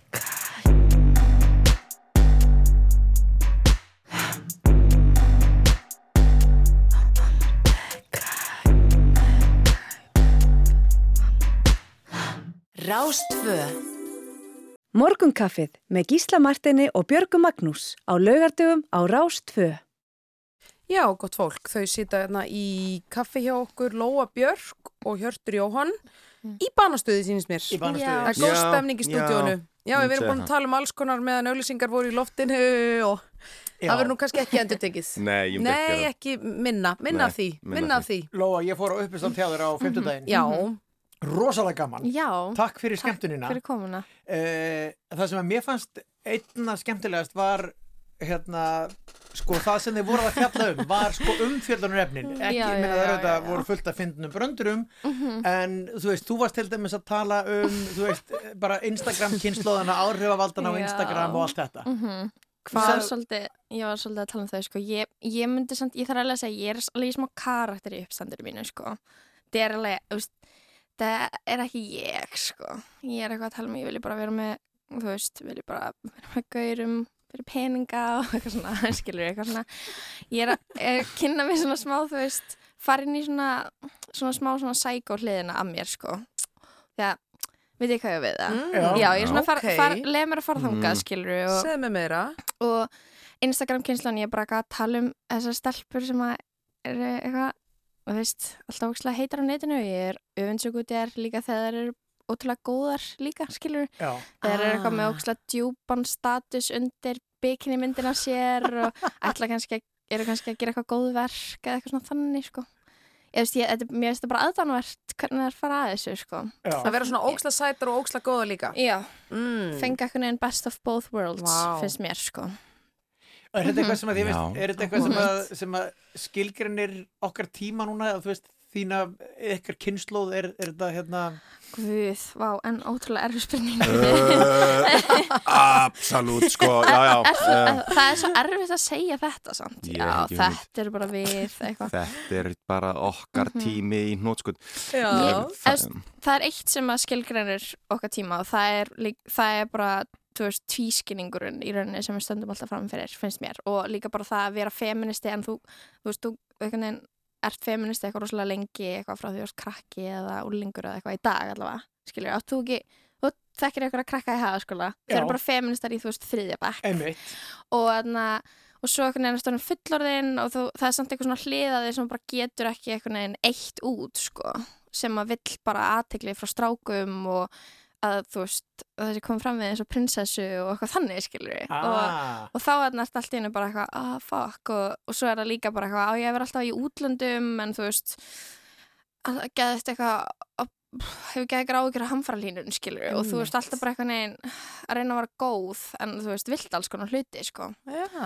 Mist þetta vera eitthvað. Þetta Já. er ógeðslega satt. Mm Þetta er, Einmitt flugskömmin En maður er alltaf Já, Þú veist. auðvitað já, mér finnst það líka að vera svona eitt svona stórt element í okkar tímum það er svona þessi, þessi svona rosalega hérna sko rosalega mikla upplýsing sem allir eru með sko, Mhm. bara stanslust mm -hmm. uh, sem er held ég bara svolítið partur líka af þessu Mhm. samskupiti sko Mhm. að þú hefur allar upplýsingarnar finnst þér sko Já en þú raunni, þú getur ekki bjarga heiminum einsamall en þú Mhm. finn, því finnst þú samt svolítið verða það sko Aha. en þú bara færð bara, bara þú sért bara jörðin að brenna í beinni útsendingu Mhm. allan sólringin þannig að maður er svona "Ah," eins og þú er að lifa lífinu einhvern veginn sama tíma reyna að vera góðu við sjálfa og góðu við fólki í kringu Já. þig skilur og, og einhvern veginn samhliða öllum sko upplýsingunum er líka bara svona viðstöðlust streymi af draumkendu lífi fólki sem þú þekkir ekki neitt sko Mhm. Já, já. þannig að það er líka alltaf verið að pröftra því eitthvað svona, eitthvað svona fantasi um Mhm. eitthvað stórkostlegt líf og þú ert alveg, ú, vákum langar þetta og vákum langar ekki að jörðin brenni og, og, og bæði í einu og þá veginn, það er rosalega erfitt að, en það líka þú veist, ég þar las ég að, að sérstaklega bara ungi krakkar bara væru farin að, að bara drepast úr kvíða sko og Já, þetta hljómar líka já. bara eins og skelvileg Mjög bara kvíðavaldandi. dæmi sko Já, Mhm. Ok Já, og það er hvað gaman að því.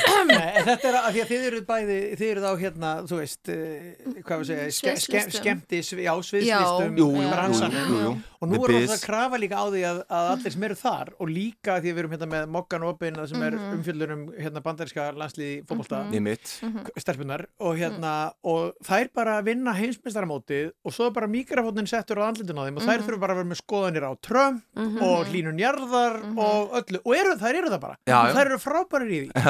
Og þetta gildir um þeim listamenn og leikara voða mikið núna, þið þurfið bara að vera on it með allt.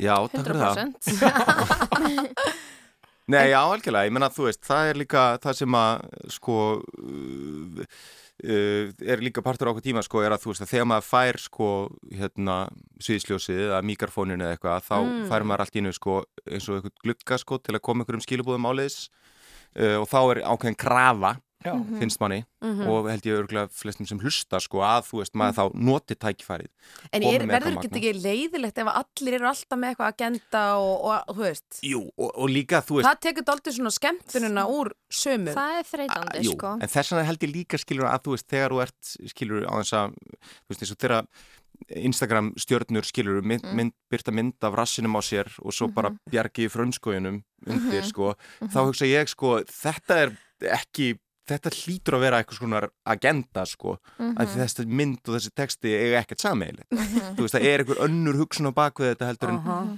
þú veist, þannig að það er alltaf svona bæði held ég bara þú veist, þá ertu á endanum að fara að kreista út eitthvað svona bóðskap sem þú kannski meinar ekki eða, eða eitthvað bara því að ef þú ert ekki með eitthvað bóðskap eða eitthvað svona baráttumál, Einmitt. að þá ertu glataður sko. Já, þannig ertu að tala um þessa belfís sem er orðan svolítið vinsalar. Belfís? Það er svo bossa selfies. Já, Já, selfie. Já, er það ekki? Jú. Já. Það er svolítið, er það ekki svo nýja stæðið? Mm, það er svolítið vera gamalt, já. Er það? Það búið að gangi lengi. Afsaki. Björg mín, reyna að vera með á nótunum þetta, Björg mín. Þessi belfís hérna þessi mellir getur þér í dag á hérna á snapp uh, snappinu Takk fyrir þetta. Oh my god. Ok, það er bara old news, fyrirgefið þig. Hvað er nýjasta þá? Guð, ég veit það ekki. sko. Nei, nákvæmlega, þið vitið það Það ekki. er eitthvað, er það er eitthvað sætgæst í gangi og svo kemur eitthvað upp svona eitthvað Er ekki hægt að segja hvað er nýjast eitthvað neginn? Er það nokkuð? Já, ekki spyrja Mm, mig. getur bara- ég Lóa, þú ert að vinna út á stöð sem að unga fólki hlustar á þú hlýtur að þurfa að vera með á Já, já. Jú, ég er að vinna á hundraðinum og ég veit ekkert hvað er þetta. ok, þurfum þú ekki bara að fara í fréttir Herði, ég held að við þurfum að Já. taka eina góða pás. Hugsum málið. Aðeins að róa okkur niður. Já, og svo ræðum við um hvert er, hvert er hérna, svar nútímas við Belfís Rástfö Fyrst og fremst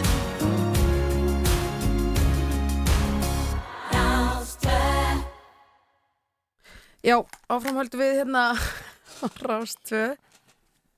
Jú. Við ætlum að hérna, velja nefnilega lag til að byrja á. Við, við, ætlum að, hérna, eh, við ætlum að tala áfram með þetta góða fólk samt. Já, vissuð þið krakkar, okkar góðu gestir hér Hjörtur, Jóhann og Lóa Björg er hérna að það eru á rástöður alltaf íslensk lag eftir fréttir Uh, Ú, er- það ekki Þetta er Og staðrind af því að Vá. við erum með Lóubjörk Vá. hjá okkur, Já. þá auðvitað nær maður í Megas og Ó. spilar lagið Lóa Lóa. Og ég held að ætla að spila eitthvað eins og flóna eða eitthvað þannig. Því en í flóna bólum Já. það er bara megas, ok. En það er svona verið að syngja, Ok. þú veist, Þú veist, það er verið eitthvað hvað? Uh, eða? uh, Nei, nei, megas, það er frábært.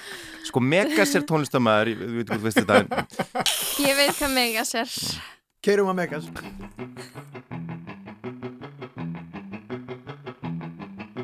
Lóa, lóa, lóa, en mér langar svo að hanna til þín brú Lóa, lóa, lóa, en mér langar svo að hanna til þín brú. Því lífið það er stutt, já allavega ekki mikið lengra en þú. Lóa, lóa, lóa, viltu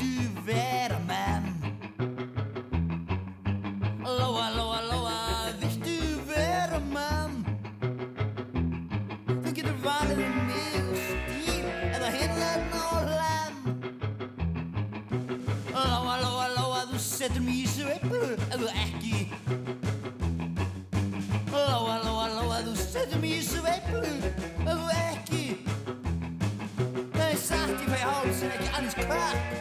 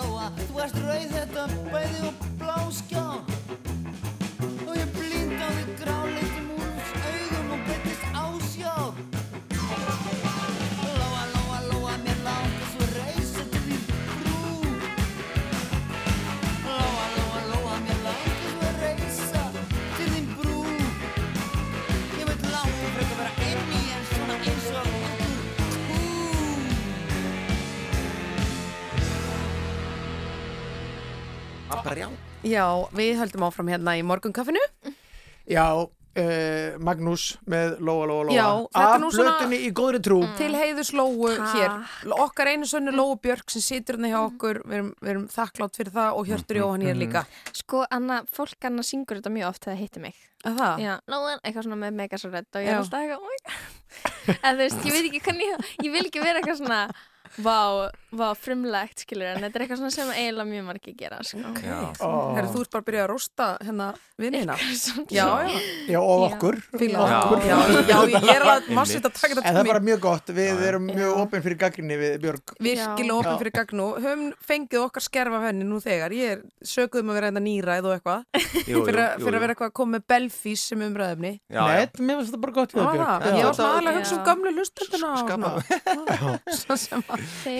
það. Að að Hjörstur, hérna, uh, þú ert í sumafríi núna Já.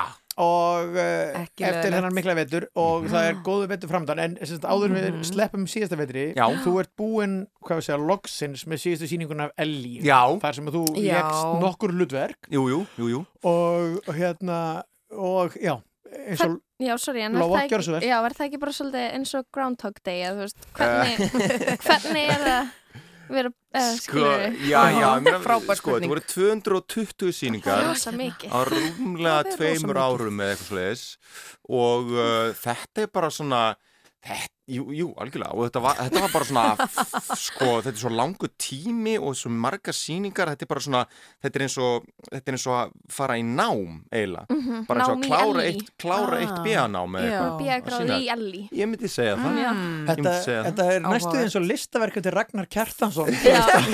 að vera með svona margar sýningar Sko. Já, en þa þannig að þú veist, þetta átti sína svona toppa og, og dali, sko. Okay. Já. Þú veist, það voru, Voru ekki tímabil- allar sýningarnar eins? eða? Jú, jú, en eð, þú veist, það voru ekki eitthvað svona allt öðruvísi og í kvöld þá bara kemur Elli bara ekki fyrir hlið. Já, býtu, býtu, var býtu. sko, Það var en- samt þannig að sýningin þar sem fulla kæristuparið Já, byrjaði að reyna já, að já, já, já. sofa saman Já, á maður. Ellie-sýningu. Alveg ekki eftir þessu. jú, jú, Það- hlýtur... Já, þessu, Hjörtur. þetta. Þetta já. var sem sagt bara í hérna sýningu bara svona 700. 759 að ég man það alveg rétt 759 og það var bara sem sagt uh, sko eitthvað par sem kom hann inn víst dauða drukkið Mhm. og sko við tókum ekkert eftir þessu leikarði sko.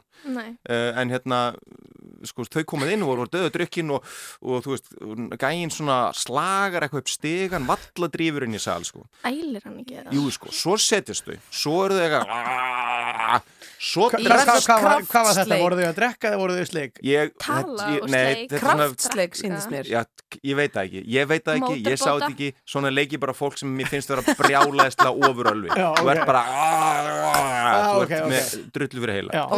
Og það þannig að það, gæinn drefst, svona heyri ég svona, hann drefst, vaknar aftur, ælir á sig, svo fara þau sleik, svo Nei. er hann komið hendunar ofan í buksunar á konunni þegar einhver annar áhórandi sem sko bara, bara mér finnst þetta vest sko að því að það er ringur af fólki í kringskilu þar sem allan tíman eru bara jæja, og mér skilst að það hefur verið eitthvað eitthvað eitthva, eitthva barn þarna nálægt, eitthvað krakki og eitthvað svona og svo er hann komið með hendunar ofan í buksunar á konunni þegar einhver bara, jæja krakka mínir Þetta er sko, drullið ykkur út Já. og sviðinu og náð í meðan bara hei sko. mína bæn það var held ég náð í húsverð og Já, þetta var alveg 50 fólk sko, þetta var alveg mjög fullari fólk. Þetta var ekki, þetta var ekki úlingar sko. Þetta var ekki ungt fólk. Sko, Nei, eitt sem ég tek út úr þessu sögu maðurinn ældi á sig áður en hann fór í sleik Reynda að sofa hjá konunni Já, Já, ég sko. mér finnst það svolítið áhugavert Ég held sko Hefði að mátt gerast í hinni rauðinni Já, þú Eða veist, þú það veist- er rosa margt í þessari atbyrðarás það sem að þú veist svona sem er ber vott um domgrindara brest Ég myndi segja það, já. Þetta er bara klaustusmáli sem ég myndi líka hugsa að því að þú veist já, að því að Ellie, þú veist hún byrja klukkan átta skilur og þetta Já. var, þú veist, 50 dagur eða eitthvað Já.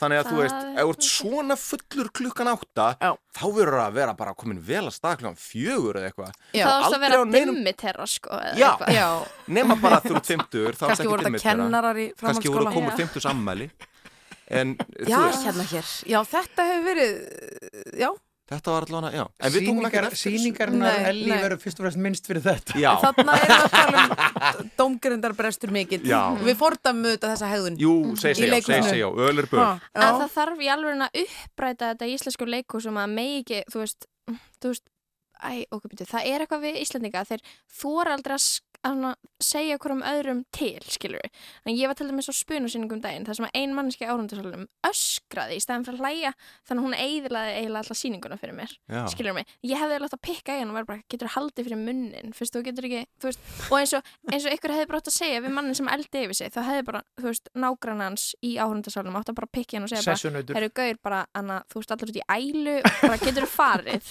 eða þú veist farið og þrifið þig og þú veist að eðilega sýninguna við þurfum meira að fara að hugsa um bara þú veist, við erum svo meðvirk, við erum Já. bara fólk í sleik að tala fullt og eðilega sýninguna og, veist, og það enginn ekki þarf að segja neitt sko. Akkurat, Nei. auðvitað En það Ég- hefur gæst sko að Mhm. hérna á, á svona, í svona, svona dæmum sko Mhm. að þú veist, fólk hefur verið að peka í hvort annað og svona Mhm.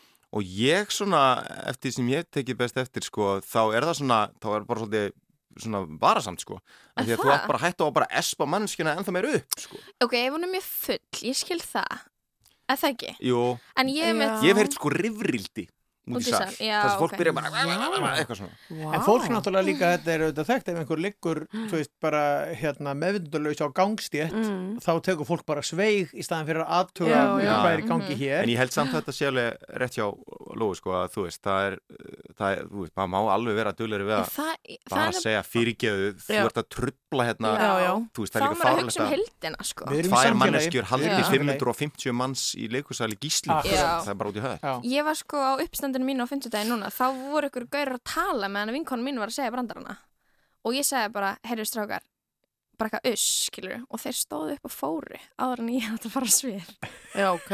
þeir bara löppu út og ég er eitthvað, það er auðvitað bara betra Þú Já, sagði já. frá þessu bara sviði, Já. ég held að það hefur að djóka Ah. Nei, ég var ekki að djóka að þú sko. sussar á það Já, ég sussaði það Æ. Ég sagði Æ. reyndar eitthvað, ég sagði um að halda kæfti það var eiginlega sem ég gerði en ég sagði eiginlega bara strákar uss þú segir uss með haldur kæfti tón Já, Já. algjörlega, út af því að þú veist ekki koma á okkur að sýningu eða ætla síðan bara einhvern veginn að trubla það ekki lægi. Nei, ég skil þetta nefnilega ekki sko. þegar þú ert komin mættur á eitthvað svona stað og svo ertu bara að gera allt annað en einhvern veginn fylgist með sem er í gangi sviðin Meiri sér búið að borga inn, bara Já. farða bara Borga frekar á kaffi og svo Já, já, það. bladraði bara þar við hennan Já. vinnir Já. fyrst hann er svona skemmtilegur. og verður þú Nákvæmlega. ofur alveg heim í öður og, Já. Og, og guppa á því þar Það er ekki búin að leggja vinnu í það sem er að gerast á sviðinu, Já. skilur ég segi það Nákvæmlega. Heyrðu, eru þið kaffi fólk?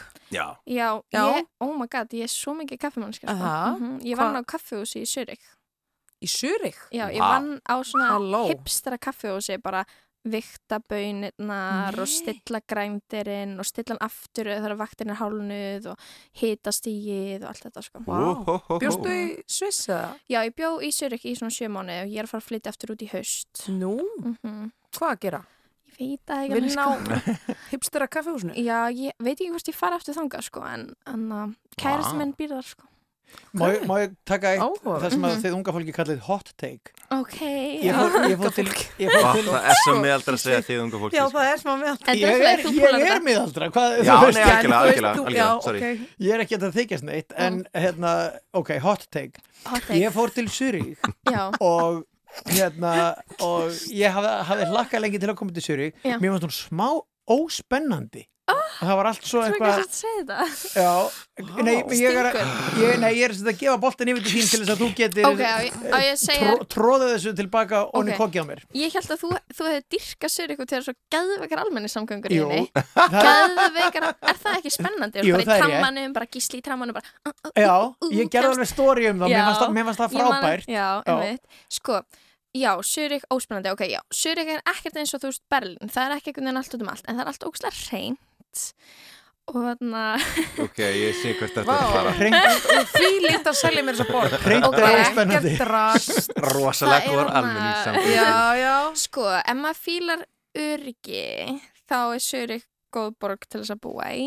Öryggi og maður hreinleika. fílar Já. öryggi. Já. Það er bara svona, Talandi um að vera meðaldra maður. Já, sko, ok, þetta er smá svona, þú, þar, þú ert smá bara svona að velja eitt fram yfir annað, í rauninni eða þið langar í eitthvað svona spennandi borg, ég myndi fara til Brussel, skilur eða New York eða London, skilur, mér er Brussel geðvik, hún, Er hún er það? dörti, er óslega mikið að listamennin sem búa þar, Mhm. en Zurich er einhvern veginn, þú veist, það er lista sinna þarna, en þau eiga samt líka eiginlega öll foreldra sem eru ógislega rík, eða skilur. En það er anarkismi að fundin upp í Sviss, í þú veist, þannig að þetta kemur frá Sviss, Já. þessi anarkista reyfing og Mhm. það er fullt af anarkistum og fullt af hústökufólki og það er listasinn og eitthvað en það er bara, munurinn er kannski að það er bara svona svo miklu peningar að þú veist að hafa það einhvern veginn allir bara svolítið næs Einmitt. það verður ekki þetta kaos En ég meina, mér fannst, ég bara tek fram, ég fekk einmitt gott kaffi og góðan mat og eitthvað. Ég var, ég var náttúrulega kannski ekki endilega mestu menningarreisu allra tíma. Ég var gera? Ég var dómari í Eurovision forvalinu hjá Sviss. já, Já, ég skil af hverju fannst þetta boring Já, Þú fóst bara í boring ferð, Já, Gísli Já, Ég, hef sannilega verið í boringskapi bara Já. líka. Já, já, já, já. Það hefur ekki verið eitthvað skemmtilegasta missjón í heimi, sko. Einmitt. En það er geggja að vera þarna upp á sko úti, vist. Það er bara stutt í bara alla náttúru Já, og og þú ert alparnir. klettaklifrari, eða Jú, ekki? ég er klifrari Er það? og það er fullt af klifrið þarna og skíði og hjól og fjallgöngur og Já, ok. taka kláf upp og drekka ókslega mikið Ó, af, já, veist, mér langar að svoleiðis. Kláf. kaffi. Mhm. Já. Já. Ert þú kaffi? Já, og Kall? ég er klettaklifrari líka, Kletta sko. og? Já, maður. Já. Herri, já, ég er mikill kaffikall, en allt, allt, allt öðruvísi, sko. Ekki svona eins og ég. Nei, ég bara svona drekk rosalega mikið af kaffi. Kvíðadjús. Það er basically bara það, sko. Kvíðadjús. Kvíðadjús. eins og ég held að þú drekki kaffi þannig að þú ert klukkan fjögur bara sjúklega kvíðin og sem bara, ég veit ekki hvað er að og allir í kringu þeir eru bara, jú það eru tíu kaffiballanir Kanski, en Ok. ég er ekki með þetta um þetta, ég er bara góður, sko. Þú veist, ég, Ert þú get bara ekki, ég get ekki með mig kaffibotla upp í rúm og bara í mig og bara hættu. og farið svona. Jú, ég er ekki að djóka. Ha? Og þegar ég er í fríu kaffi, þá ertu er ónæmur núna. fyrir koffinni Já, kannski. Kannski er ég bara að drekka svo mikið að ég bara Nei, en eins og núna þegar ég fæ frýtt kaffi þá bara drekki kaffi stanslust hvernig ég hætti að fá frýtt kaffi sko. og ég drekk bara venlegt svart kaffi ég hef aldrei einhver Þú veist ekki að þetta er roster sé eitthvað svona Nei, vinu minn reyndi ekkert um að gefa mér eitthvað drikk sem hétt þá var hann svona kaffibarþjótt og ætlaði að vera bara kaffibjart út Old Íslands flat white hann gaf mér eh, kaffidrykk sem hétt Draumur Indjánans og hérna Já, það er óþúlandi Ég myndi aldrei drekka það og það var eitthvað svona eitthvað, Eitthvað síróp og eitthvað. Já, já, já, það var svona marg laga svona eins og eitthvað svona listaverk og eitthvað svona og þú veist, þetta var svona þetta var bara eins og að vera bara kýldur í andegslana átt og svo sætt. En nú er sko, séu, séu, hérna, við, ég hér er lýsa þetta. þessu áðan. Já. Já, hérna, Björg bara mætti með þetta í vinnuna Já. í morgun Æ, og Það var að því ég fekk svo geggjað hérna, Kvörn, þetta er svo góður já, ristari maður henni völu, völu stef, kaffibaristunni minni og hún, þú veist, þetta er eitthvað geggjadæmi. Já. Má ég finna líktina af þessu? Já, þefaði nú endilega. Heyrðu, já, og- en, Herðu, en- talaðu- kannski að, Já, hvað, nei, ég var spá, ef ekki aðeins að, er það ekki? Jú, hvaða lag ertu að hugsa? um? Ég er að fara í Bubba og Katrín og Halldóru. Já, Já. kol- kollega konu Já, já, já, já, já, já. Nýja lagi með þeim, án þín. Gekka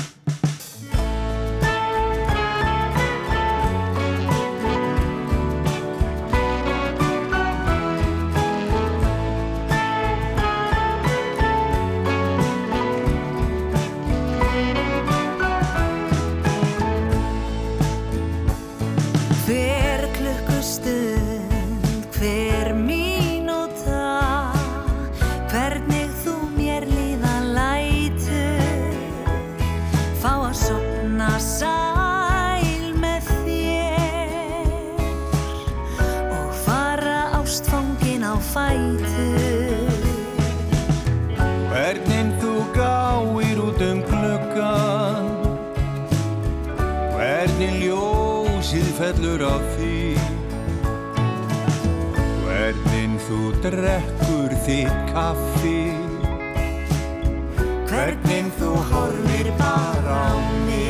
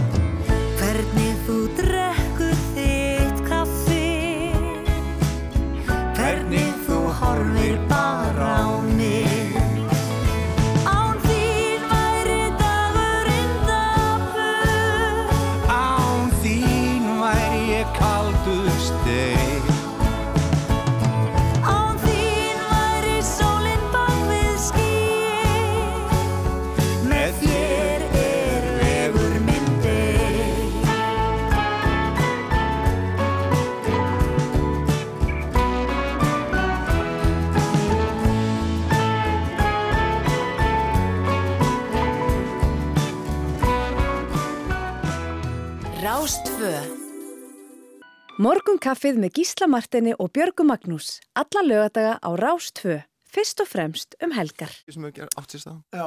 Áfram höldum við hérna með Það er mikið þetta óhamingi í þessum þætti. Já, Já, já, Nei, erfið stjöfla orka Nei, hvað sagði þér Æ, sko, þið voru að tala um að breyta Mónakó í eitthvað taka í gegn og gera það eitthvað hipstradæmi og ég sagði bara, er að ná djöflorkunni út úr barnum sem það er búið, að- þú veist, það er, Það er ekki bara eitthvað særingamistara Jú, það er að fá svona fimm presta og Sigga Kling og, og Gísli Martin það er að tala um tinnaðar í, Já, í 40 tíma í- streitt. Já, 40 Já, Mandra áhugaverðins svona tinna í mónulók eitthvað svona En talandi um hreinsa að, talandi um að tala í marga klukkutíma eh, Þú ert nýbyrjuð með, með hlaðvarp Lóa. Já, sem heitir Aðteglisbrestur og hvað? Góðu titill. Já, Það er takk. góður titill. Já, Við erum náttúrulega bara með aðtiklisbrest og og við. Leifum okkur bara vera í því, bara í svolítið frjálsur flæði, Já, og, eða þú veist, bara, og all, alltaf svolítið skemmtilegast í umræðefninu, skilur við. já Það, einmitt. það er svolítið aðtiklisbrestur, það er bara, ef þetta er boring þá dett ég út, skilur við. Þetta er mig. Já, algjörlega. já, já. Algjörlega. Hvað hva finnst ykkur gaman að tala um? Sko, við erum að tala um popmenningu, popkultúr og bara það sem er að gerast, bara hlutinni sem við erum uh, að skoða óksla mikið og pæla óksla mikið í og það er sjómanstættir eða það er bara eitthvað tweet eða vídeo eða bíómynd eða eitthvað skilur Mhm. og það var um daginn var það voru að pæla í þú veist nýja tónlistamöndbundin Taylor Swift Mhm. það var alveg Herru, Björg, Já. þú er ekki verið ánægð með það Björg er sko Nú, rosalegur til Ertu ég- Swiftie? Ég er mikið, ég er Swifter Ok, ok. Já, ég er Swiftie Ég, er mikið, ég fór að sjá hana í Dublinni fyrra mm Ertu að grínast hvað það var geðvegt? þú Ok. elskar Taylor Ég Swift elska hana Mhm, Ég- ok ég- Já, þú ert ekki og þú hata Taylor Swift. Nei, nei, þetta þarf ekki að vera svona Af svart og hverju hví hatar hana? Það er hægt að vera hann í miðjunni hlustendur ættu að finna er- spennuna í er Ég- að Er hérna. Af hverju þú ekki?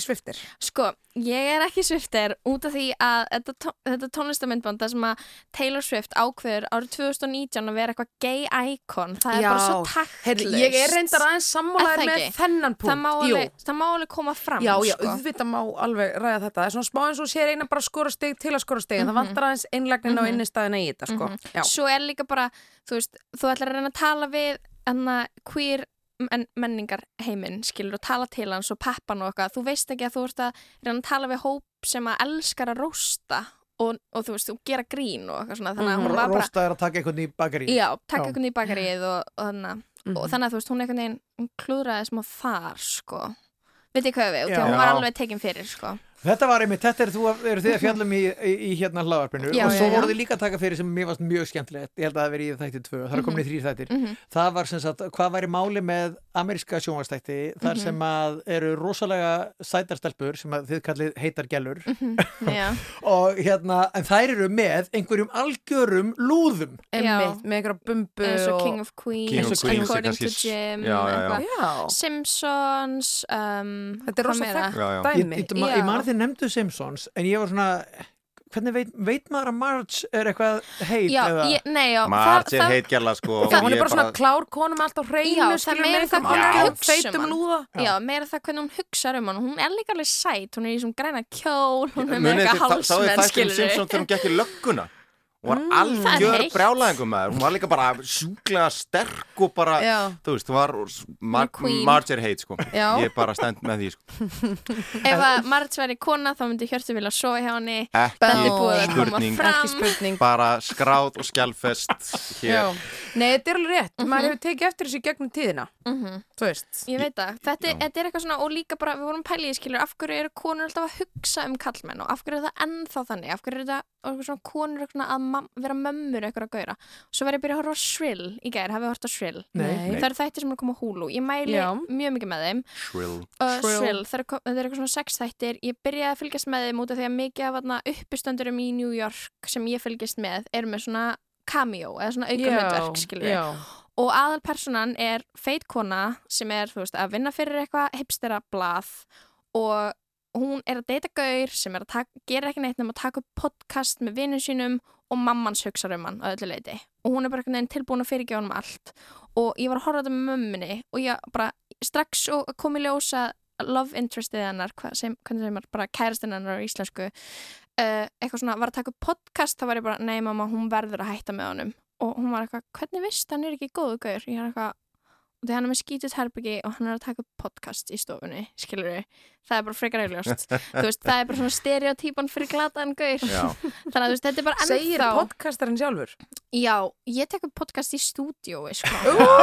ekki heim í stofu ok, ok Ok, Vá. þetta er, það, er, það er í heimin og haf þarna milli bara. Þetta er Þetta bara er allt svona annað hýrarki dæmi. að podcastara bara hvað bara, þú að taka podcast heima hjá auðmíkinn hann er með skegg, hann er að taka podcast heima Já, hérna. Já, ok, þú ert að mæla með Shrill. Já. Hjörtur, með hverju mælið þú uh, leikúsin í haust? Í Mm. hvað sýningum verður þú? Herðu, já, uh, Hvað, ertu að fara að leika fleiri síðblendingi eða Já, hvað að Ríkarður gerast? þriði kemur Ó, svo aftur heitt.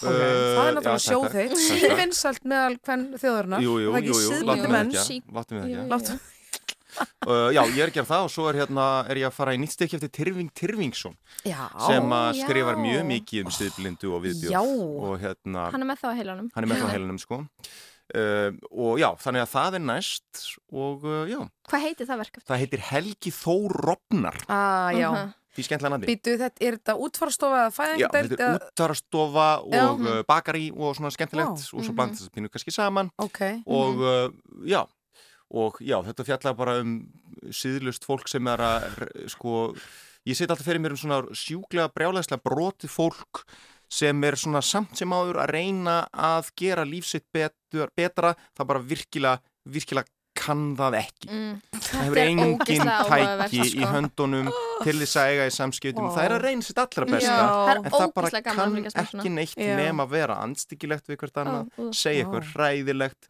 koma ógeðslega fram Já. Mm. en það reynir samt Ok. það Ok. bara getur það ekki Þetta þetta þið stóra skemmtun. sýningin þín í haust já, Svona með Ríkarði já með Ríkardi. Geggjað. Við ætlum að fara að kveðja ykkur. Yes. Já. Ótrúlega gaman að fá okkur. Lóa. Lóa Björk og Hjörtur Jóhann Mhm. og bara njóti dagsins og, og sumarsins og við auðvitað sömuleiðis. áfram með ykkur. já, takk, Ha. takk,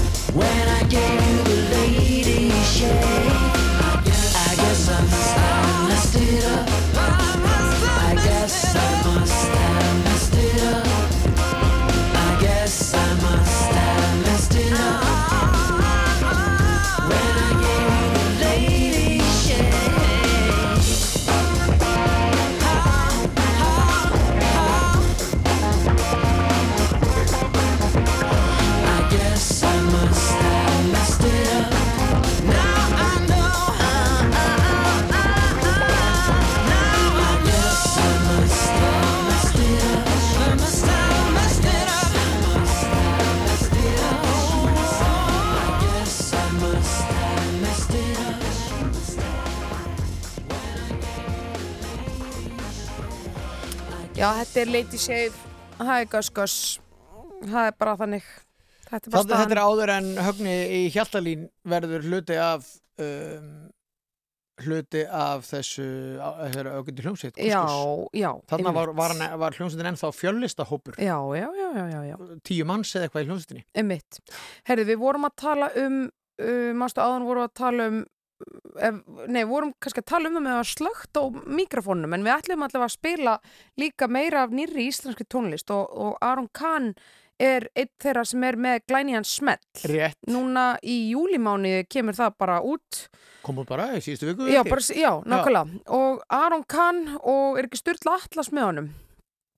uh, Ekki svo ég ekki viti svo, nei, nei, Herri, ég er bara, þú veist, þetta er ekki alveg minn dagur ég, Allt það sem ég var Tækni stjórnirinn í algjöru ruggli En það, það getur vel verið að sé með honum en ég veit alltaf ekki, ekki til þess. Nei, mér, fannst þess að ég hefði lesið eitthvað staðar en það var kannski bara eitthvað annað.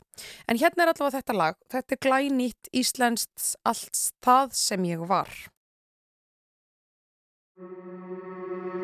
Allt það sem ég var, það sem ég var Segir til um það hver ég er í dag Og ég breytist eins og tíminn arðan þó ekki í mig. Og baby keira á stað Allt það sem ég var, það sem ég var Segir til um það.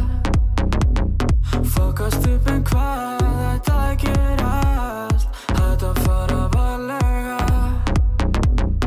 Segðu mér því ég segi Langar að vita eitthvað meir en þau Er það hvernig þú hreyfir þig á mér þú segir til. Blasta þanga til ég heyri ekki. Elska allt það sem að þú segir mér. Allt það sem ég var Það sem ég var. Segir til um það. Fokast upp en hvað þetta gerast? Þetta fara varlega. Allt það sem ég var, það sem ég var. Segir til um það Fokast upp en hvað þetta gerast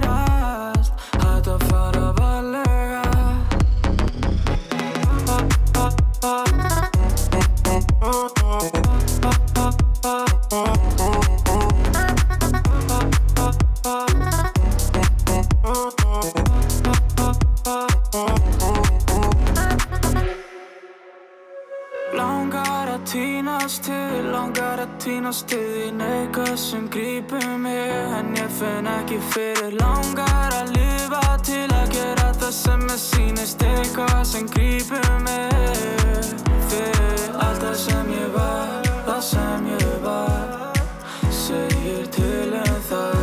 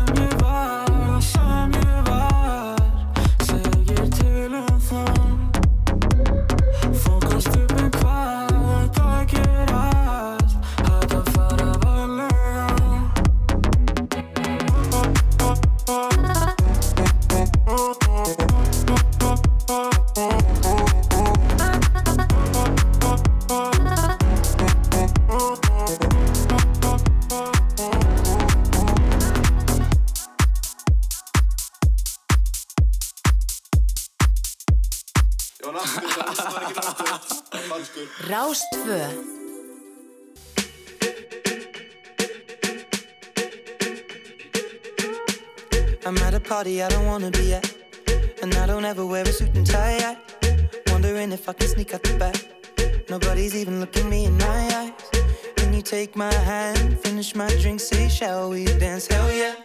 You know I love you, did I ever tell you? You make it better like that. Don't think I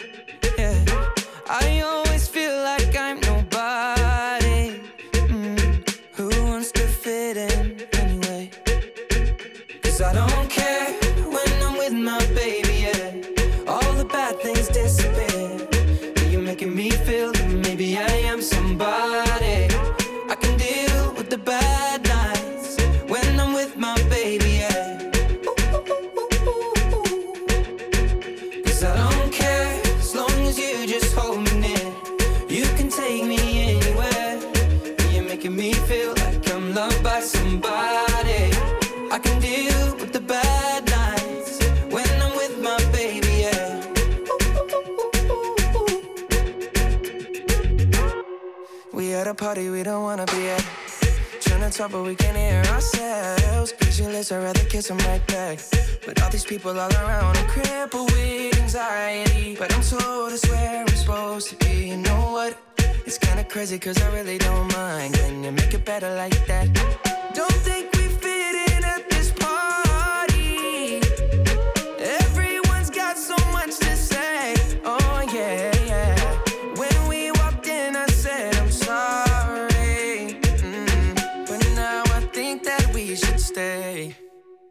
Cause I don't care when I'm with my baby, yeah. All the bad things disappear. You're making me feel like maybe I am somebody.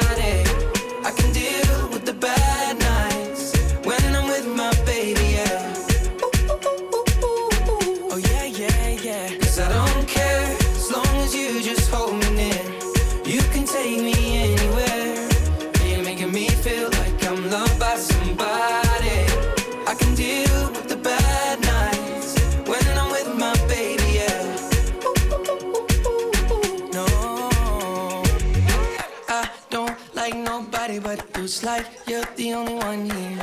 I don't like nobody but you, baby.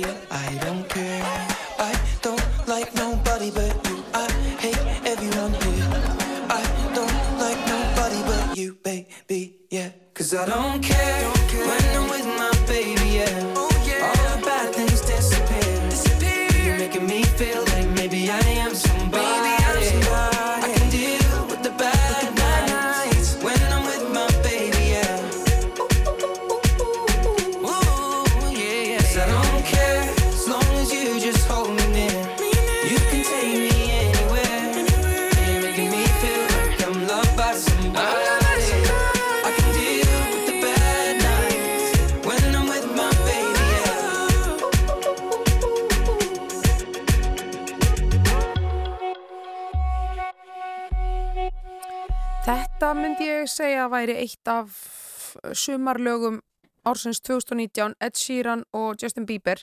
Gísli, þetta er ekki þitt lag, eða Ég hvað? meina að mér finnst þetta fínt Já, ekkert, þú gerir ekki stóra aðtöðsendir en þú myndir ekki endilega, Ég myndi ekki setja þetta á fónin endilega heima hjá mér nei, Nei, en ég menna það er þetta ekki bara ljómandi fínt svona klugan kortir í tólfa þetta, er- lögati þetta er svona, það er, þetta er svona, þú veist, það er að koma aðeins fyrringur í Já, þig, skilur, já, já, þetta er hvað? svona þannig, sko. Já, já, þeir kunna þetta þessir, Fólk þessir svona drengir hérna aðeins farið að svona letast sporið, Já, já. myndi ég segja. og úr þessum dúett yfir í annan dúett Boom. og hann íslenskan Heldur beður. Elin Elisabeth er uh, listamæður ekki einhamur uh, Hver hún er hún það er í dag? teiknari og svo er hún söngkona líka og syngur hér mikið uppáhaldslag okkar þessa dagana Já, Björg mín, seinasta já. tegundin Mhm. tekur þetta því, mér finnst vera kynnslóðumunur ég myndi alltaf hafa sagt síðasta tegundin Já, sammála. en ungi krakkar segja mjög oft takk fyrir seinast Ég myndi alltaf segja takk fyrir síðast. Ég, ég er með þér. Já, ok. Ég er náttúrulega nýræð, bara eins og framkomin aðan.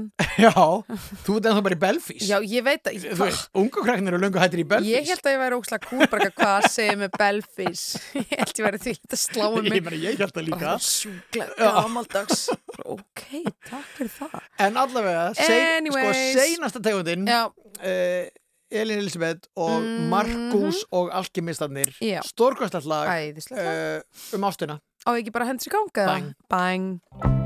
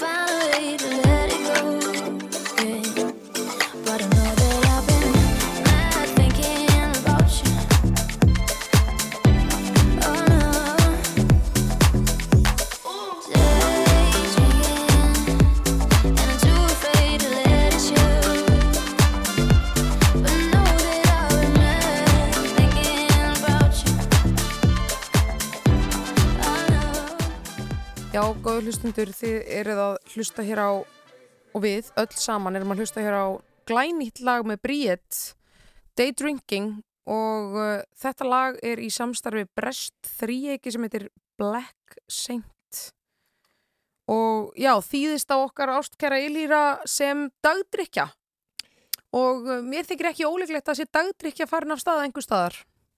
Já, þú heldur það? Ég er svona, já, ég ætla, ég ætla að kasta þið fram. Að það sé einhver staðar, einhver búin að tap, taka tappa úr flösku. Klukkunar er fimm einhver staðar eins og það er stendur. Þetta er, hún er cocktail o'clock, einhver staðar. Já. Ég, sko, Já, já. ég er nú bara í kaffinu, Björg mín. Já, það, já, Hvað er, ert- hvað er í þínum bolla? Það er, kaffi, Kaffi. er vissulega grunnurinn hérna. Já. við erum hér alls gáð á vaktinni, sko. Heldur betur. En ég segi bara í Guðsbænum farið varlega með áfengið ef þið eru að fykta við þetta Guðsbænum. Elsku fólk í útilegum. En það var einhver að segja frá því býtunum við, hvar var það? Já, það var einmitt í podcastunni sem hún Lóa Björku með, að, hérna, aðteglisbrestur og lokastígi. Mm Þar voru þið með viðmælanda og sá viðmælandi, þau voru að tala um alkoholisma og sá viðmælandi sagði að, að, að þegar pappans væri í útlöndum að þá væri til það sem hann kallar 11 bjúrin að opna 11 bjúrin Ok. klukkan Sem er- 11 á mótnuna þá var fyrsti bjúrin Ó, Já. og hann, bara eins og menn tala um 10 kaffi 11 bjórin. 11 bjúrin Mm. þannig að sámaður, það eru ekki. 56 mínútur síðan að sámaður fekk sér 11 bjúrin Mm. ef hann er í frí Ymmit, áhugavert. Já, Mér þetta var eldri maður sko, sko- virðulegu maður sem er, hefur ekki átt neinum vandræði með áfengið Nei, en núna eh, er ég einmitt svo lán sem hafa ekki átt í stórvægulegum áf á, hérna, vandræði með áfengið. En það sem hefur verið að gerast er að það, það er orðið svo sniðut að einmitt byrja snemma og hætta snemma. Já, Já. bæn, hversu snemma ertu Já, að byrja? ég meina þú veist, þá getur kannski byrjað það bara kss, klukkan svona fjögur, Fjögur, ok. þú veist, það er Ok. svona... Ertu með eitthvað slíkt, á prjónunum í kvöld? Eða? Já, mögulega Já, sko. hvað er að gerast? Það er svona ákveðin hópur að hittast, Já, svona, við kallum okkur kæri kunni. kæri kunni. Já. Hvað, er þetta einhverjar gamlar vinkonur eða? Já, bara þetta er, þetta er, þetta er eh, fólk af öllum kynjum. Já. Já, já, já, já, já, já, já. Við ætlum Og- í heitan pott saman og bara kss, klukkan fjör. Heitan pott í heimahúsi? Já. Og bara ringja inn og segja lög og Já. byggja um óskala og... Já. Þetta er Hvað virkilega gaman að Hvað heyrta. heldur þú? Kæri kunni? Virkilega gaman að Já, heyrta. það ekki, en þú? Nei, ekki með neins svona plön. Hæ? Nei. Ætlar að vera edru í kvöld sem sagt? Ég bara var ekki búin að gera neina ráðstafanir og... Þú ert það svo sem venilega. Já, já. Uh, ég fór að borða í gær. Já. Eh, Hvað fegstu þér að borða? Ég fekk mér alls konar, þetta var nú aðalega, uppistæðan var nú aðalega fiskur, Mm. en ég fór á grillið sem að maður fer nú ekki á á hverjum degi, Mhm. en ég fór þangað fyrst með fóröldur mínum bara sem lítilstrákur og svo fór ég aftur bara, ég veit ekki, tíu árum setna eða eitthvað, á Mm. nefndamóti í Vestló Já. og svo fór ég þegar ég gifti mig, þetta eru svona Vá. nokkri svona stóri púntar og í gær var svona, hérna, lítill hópur að, að hérna, gera sér glaðan dag og fórum á grillið að borða og það var algjörlega himnest segja það bara alveg eins og wow. þetta er ekki neinn auðlýsinga Nei, samstarfið þú greittir fyrir matinn algjörlega upp í topp og það kostar auðvitað skildingin Já, já. maður þarf að taka lífyrirsjúslán fyrir þessu en, en, en hérna ég Allavega ríkistasmenn en það er svo gaman að, að þú veist, ef menn, ef menn hafa tök á því Mhm. að fara út að bara þetta er svo fallegt útsýnið Já, þarna og já. svona sumardegi Já.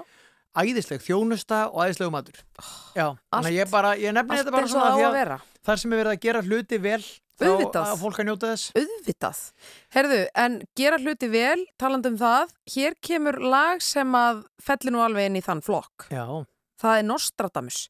Ég, ég, ég svona stakk upp á því að spila eitthvað með ný dönsk og þú sagði strax Nostradamus. já, það er eitthvað skemmtilegt þetta var sumarsmellur þegar þetta kom út sko. Já, og, og flott, hérna svona- svo líka bara eitthvað svo gott hérna fadir afa míns er 160 ára þetta er svo góð opnum að lína Algjörlega. Heyrum þetta lag Nostradamus með ný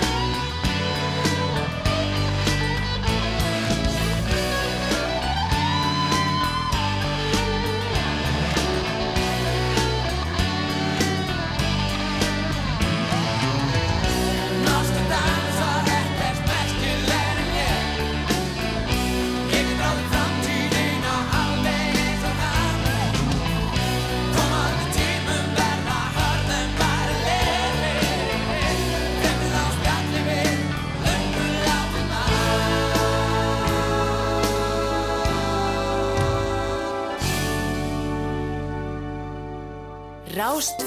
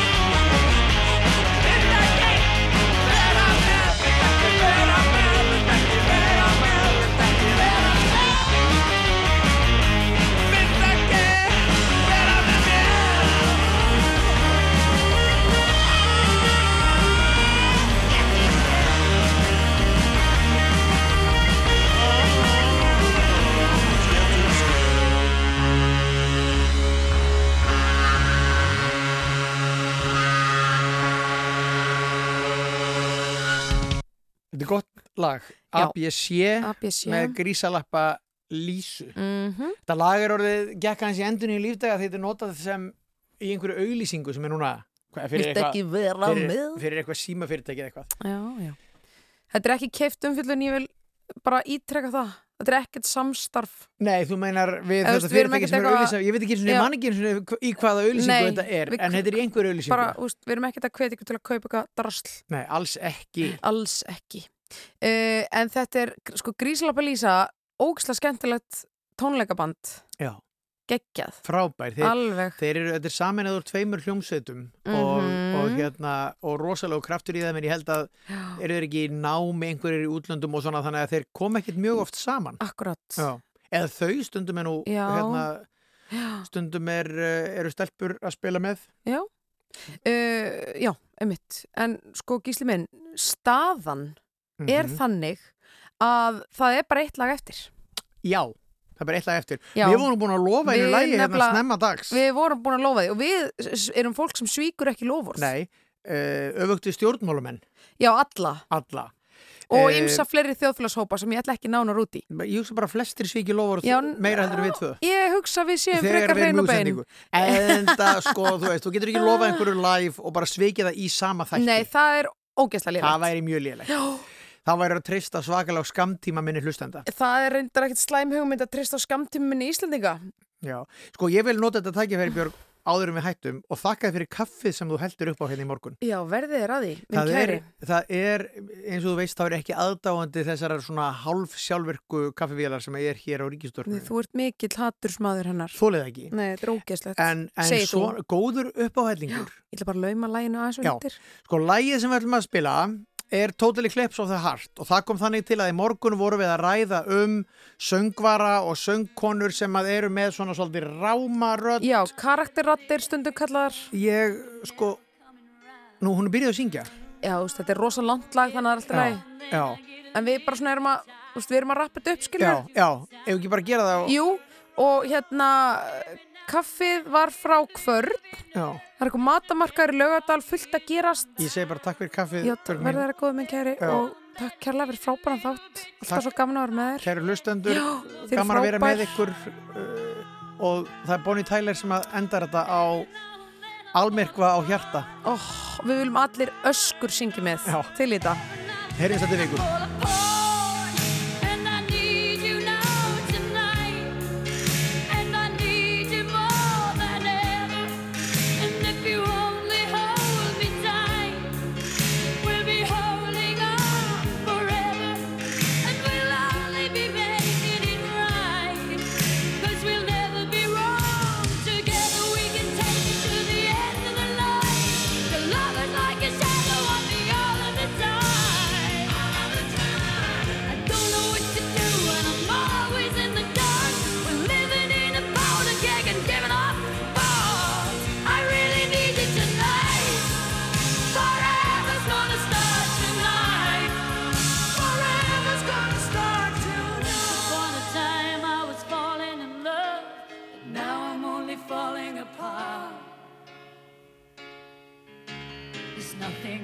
do a total eclipse of the heart.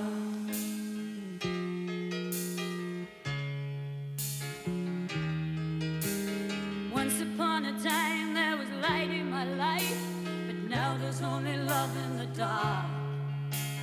Nothing I can say, a total eclipse of the heart.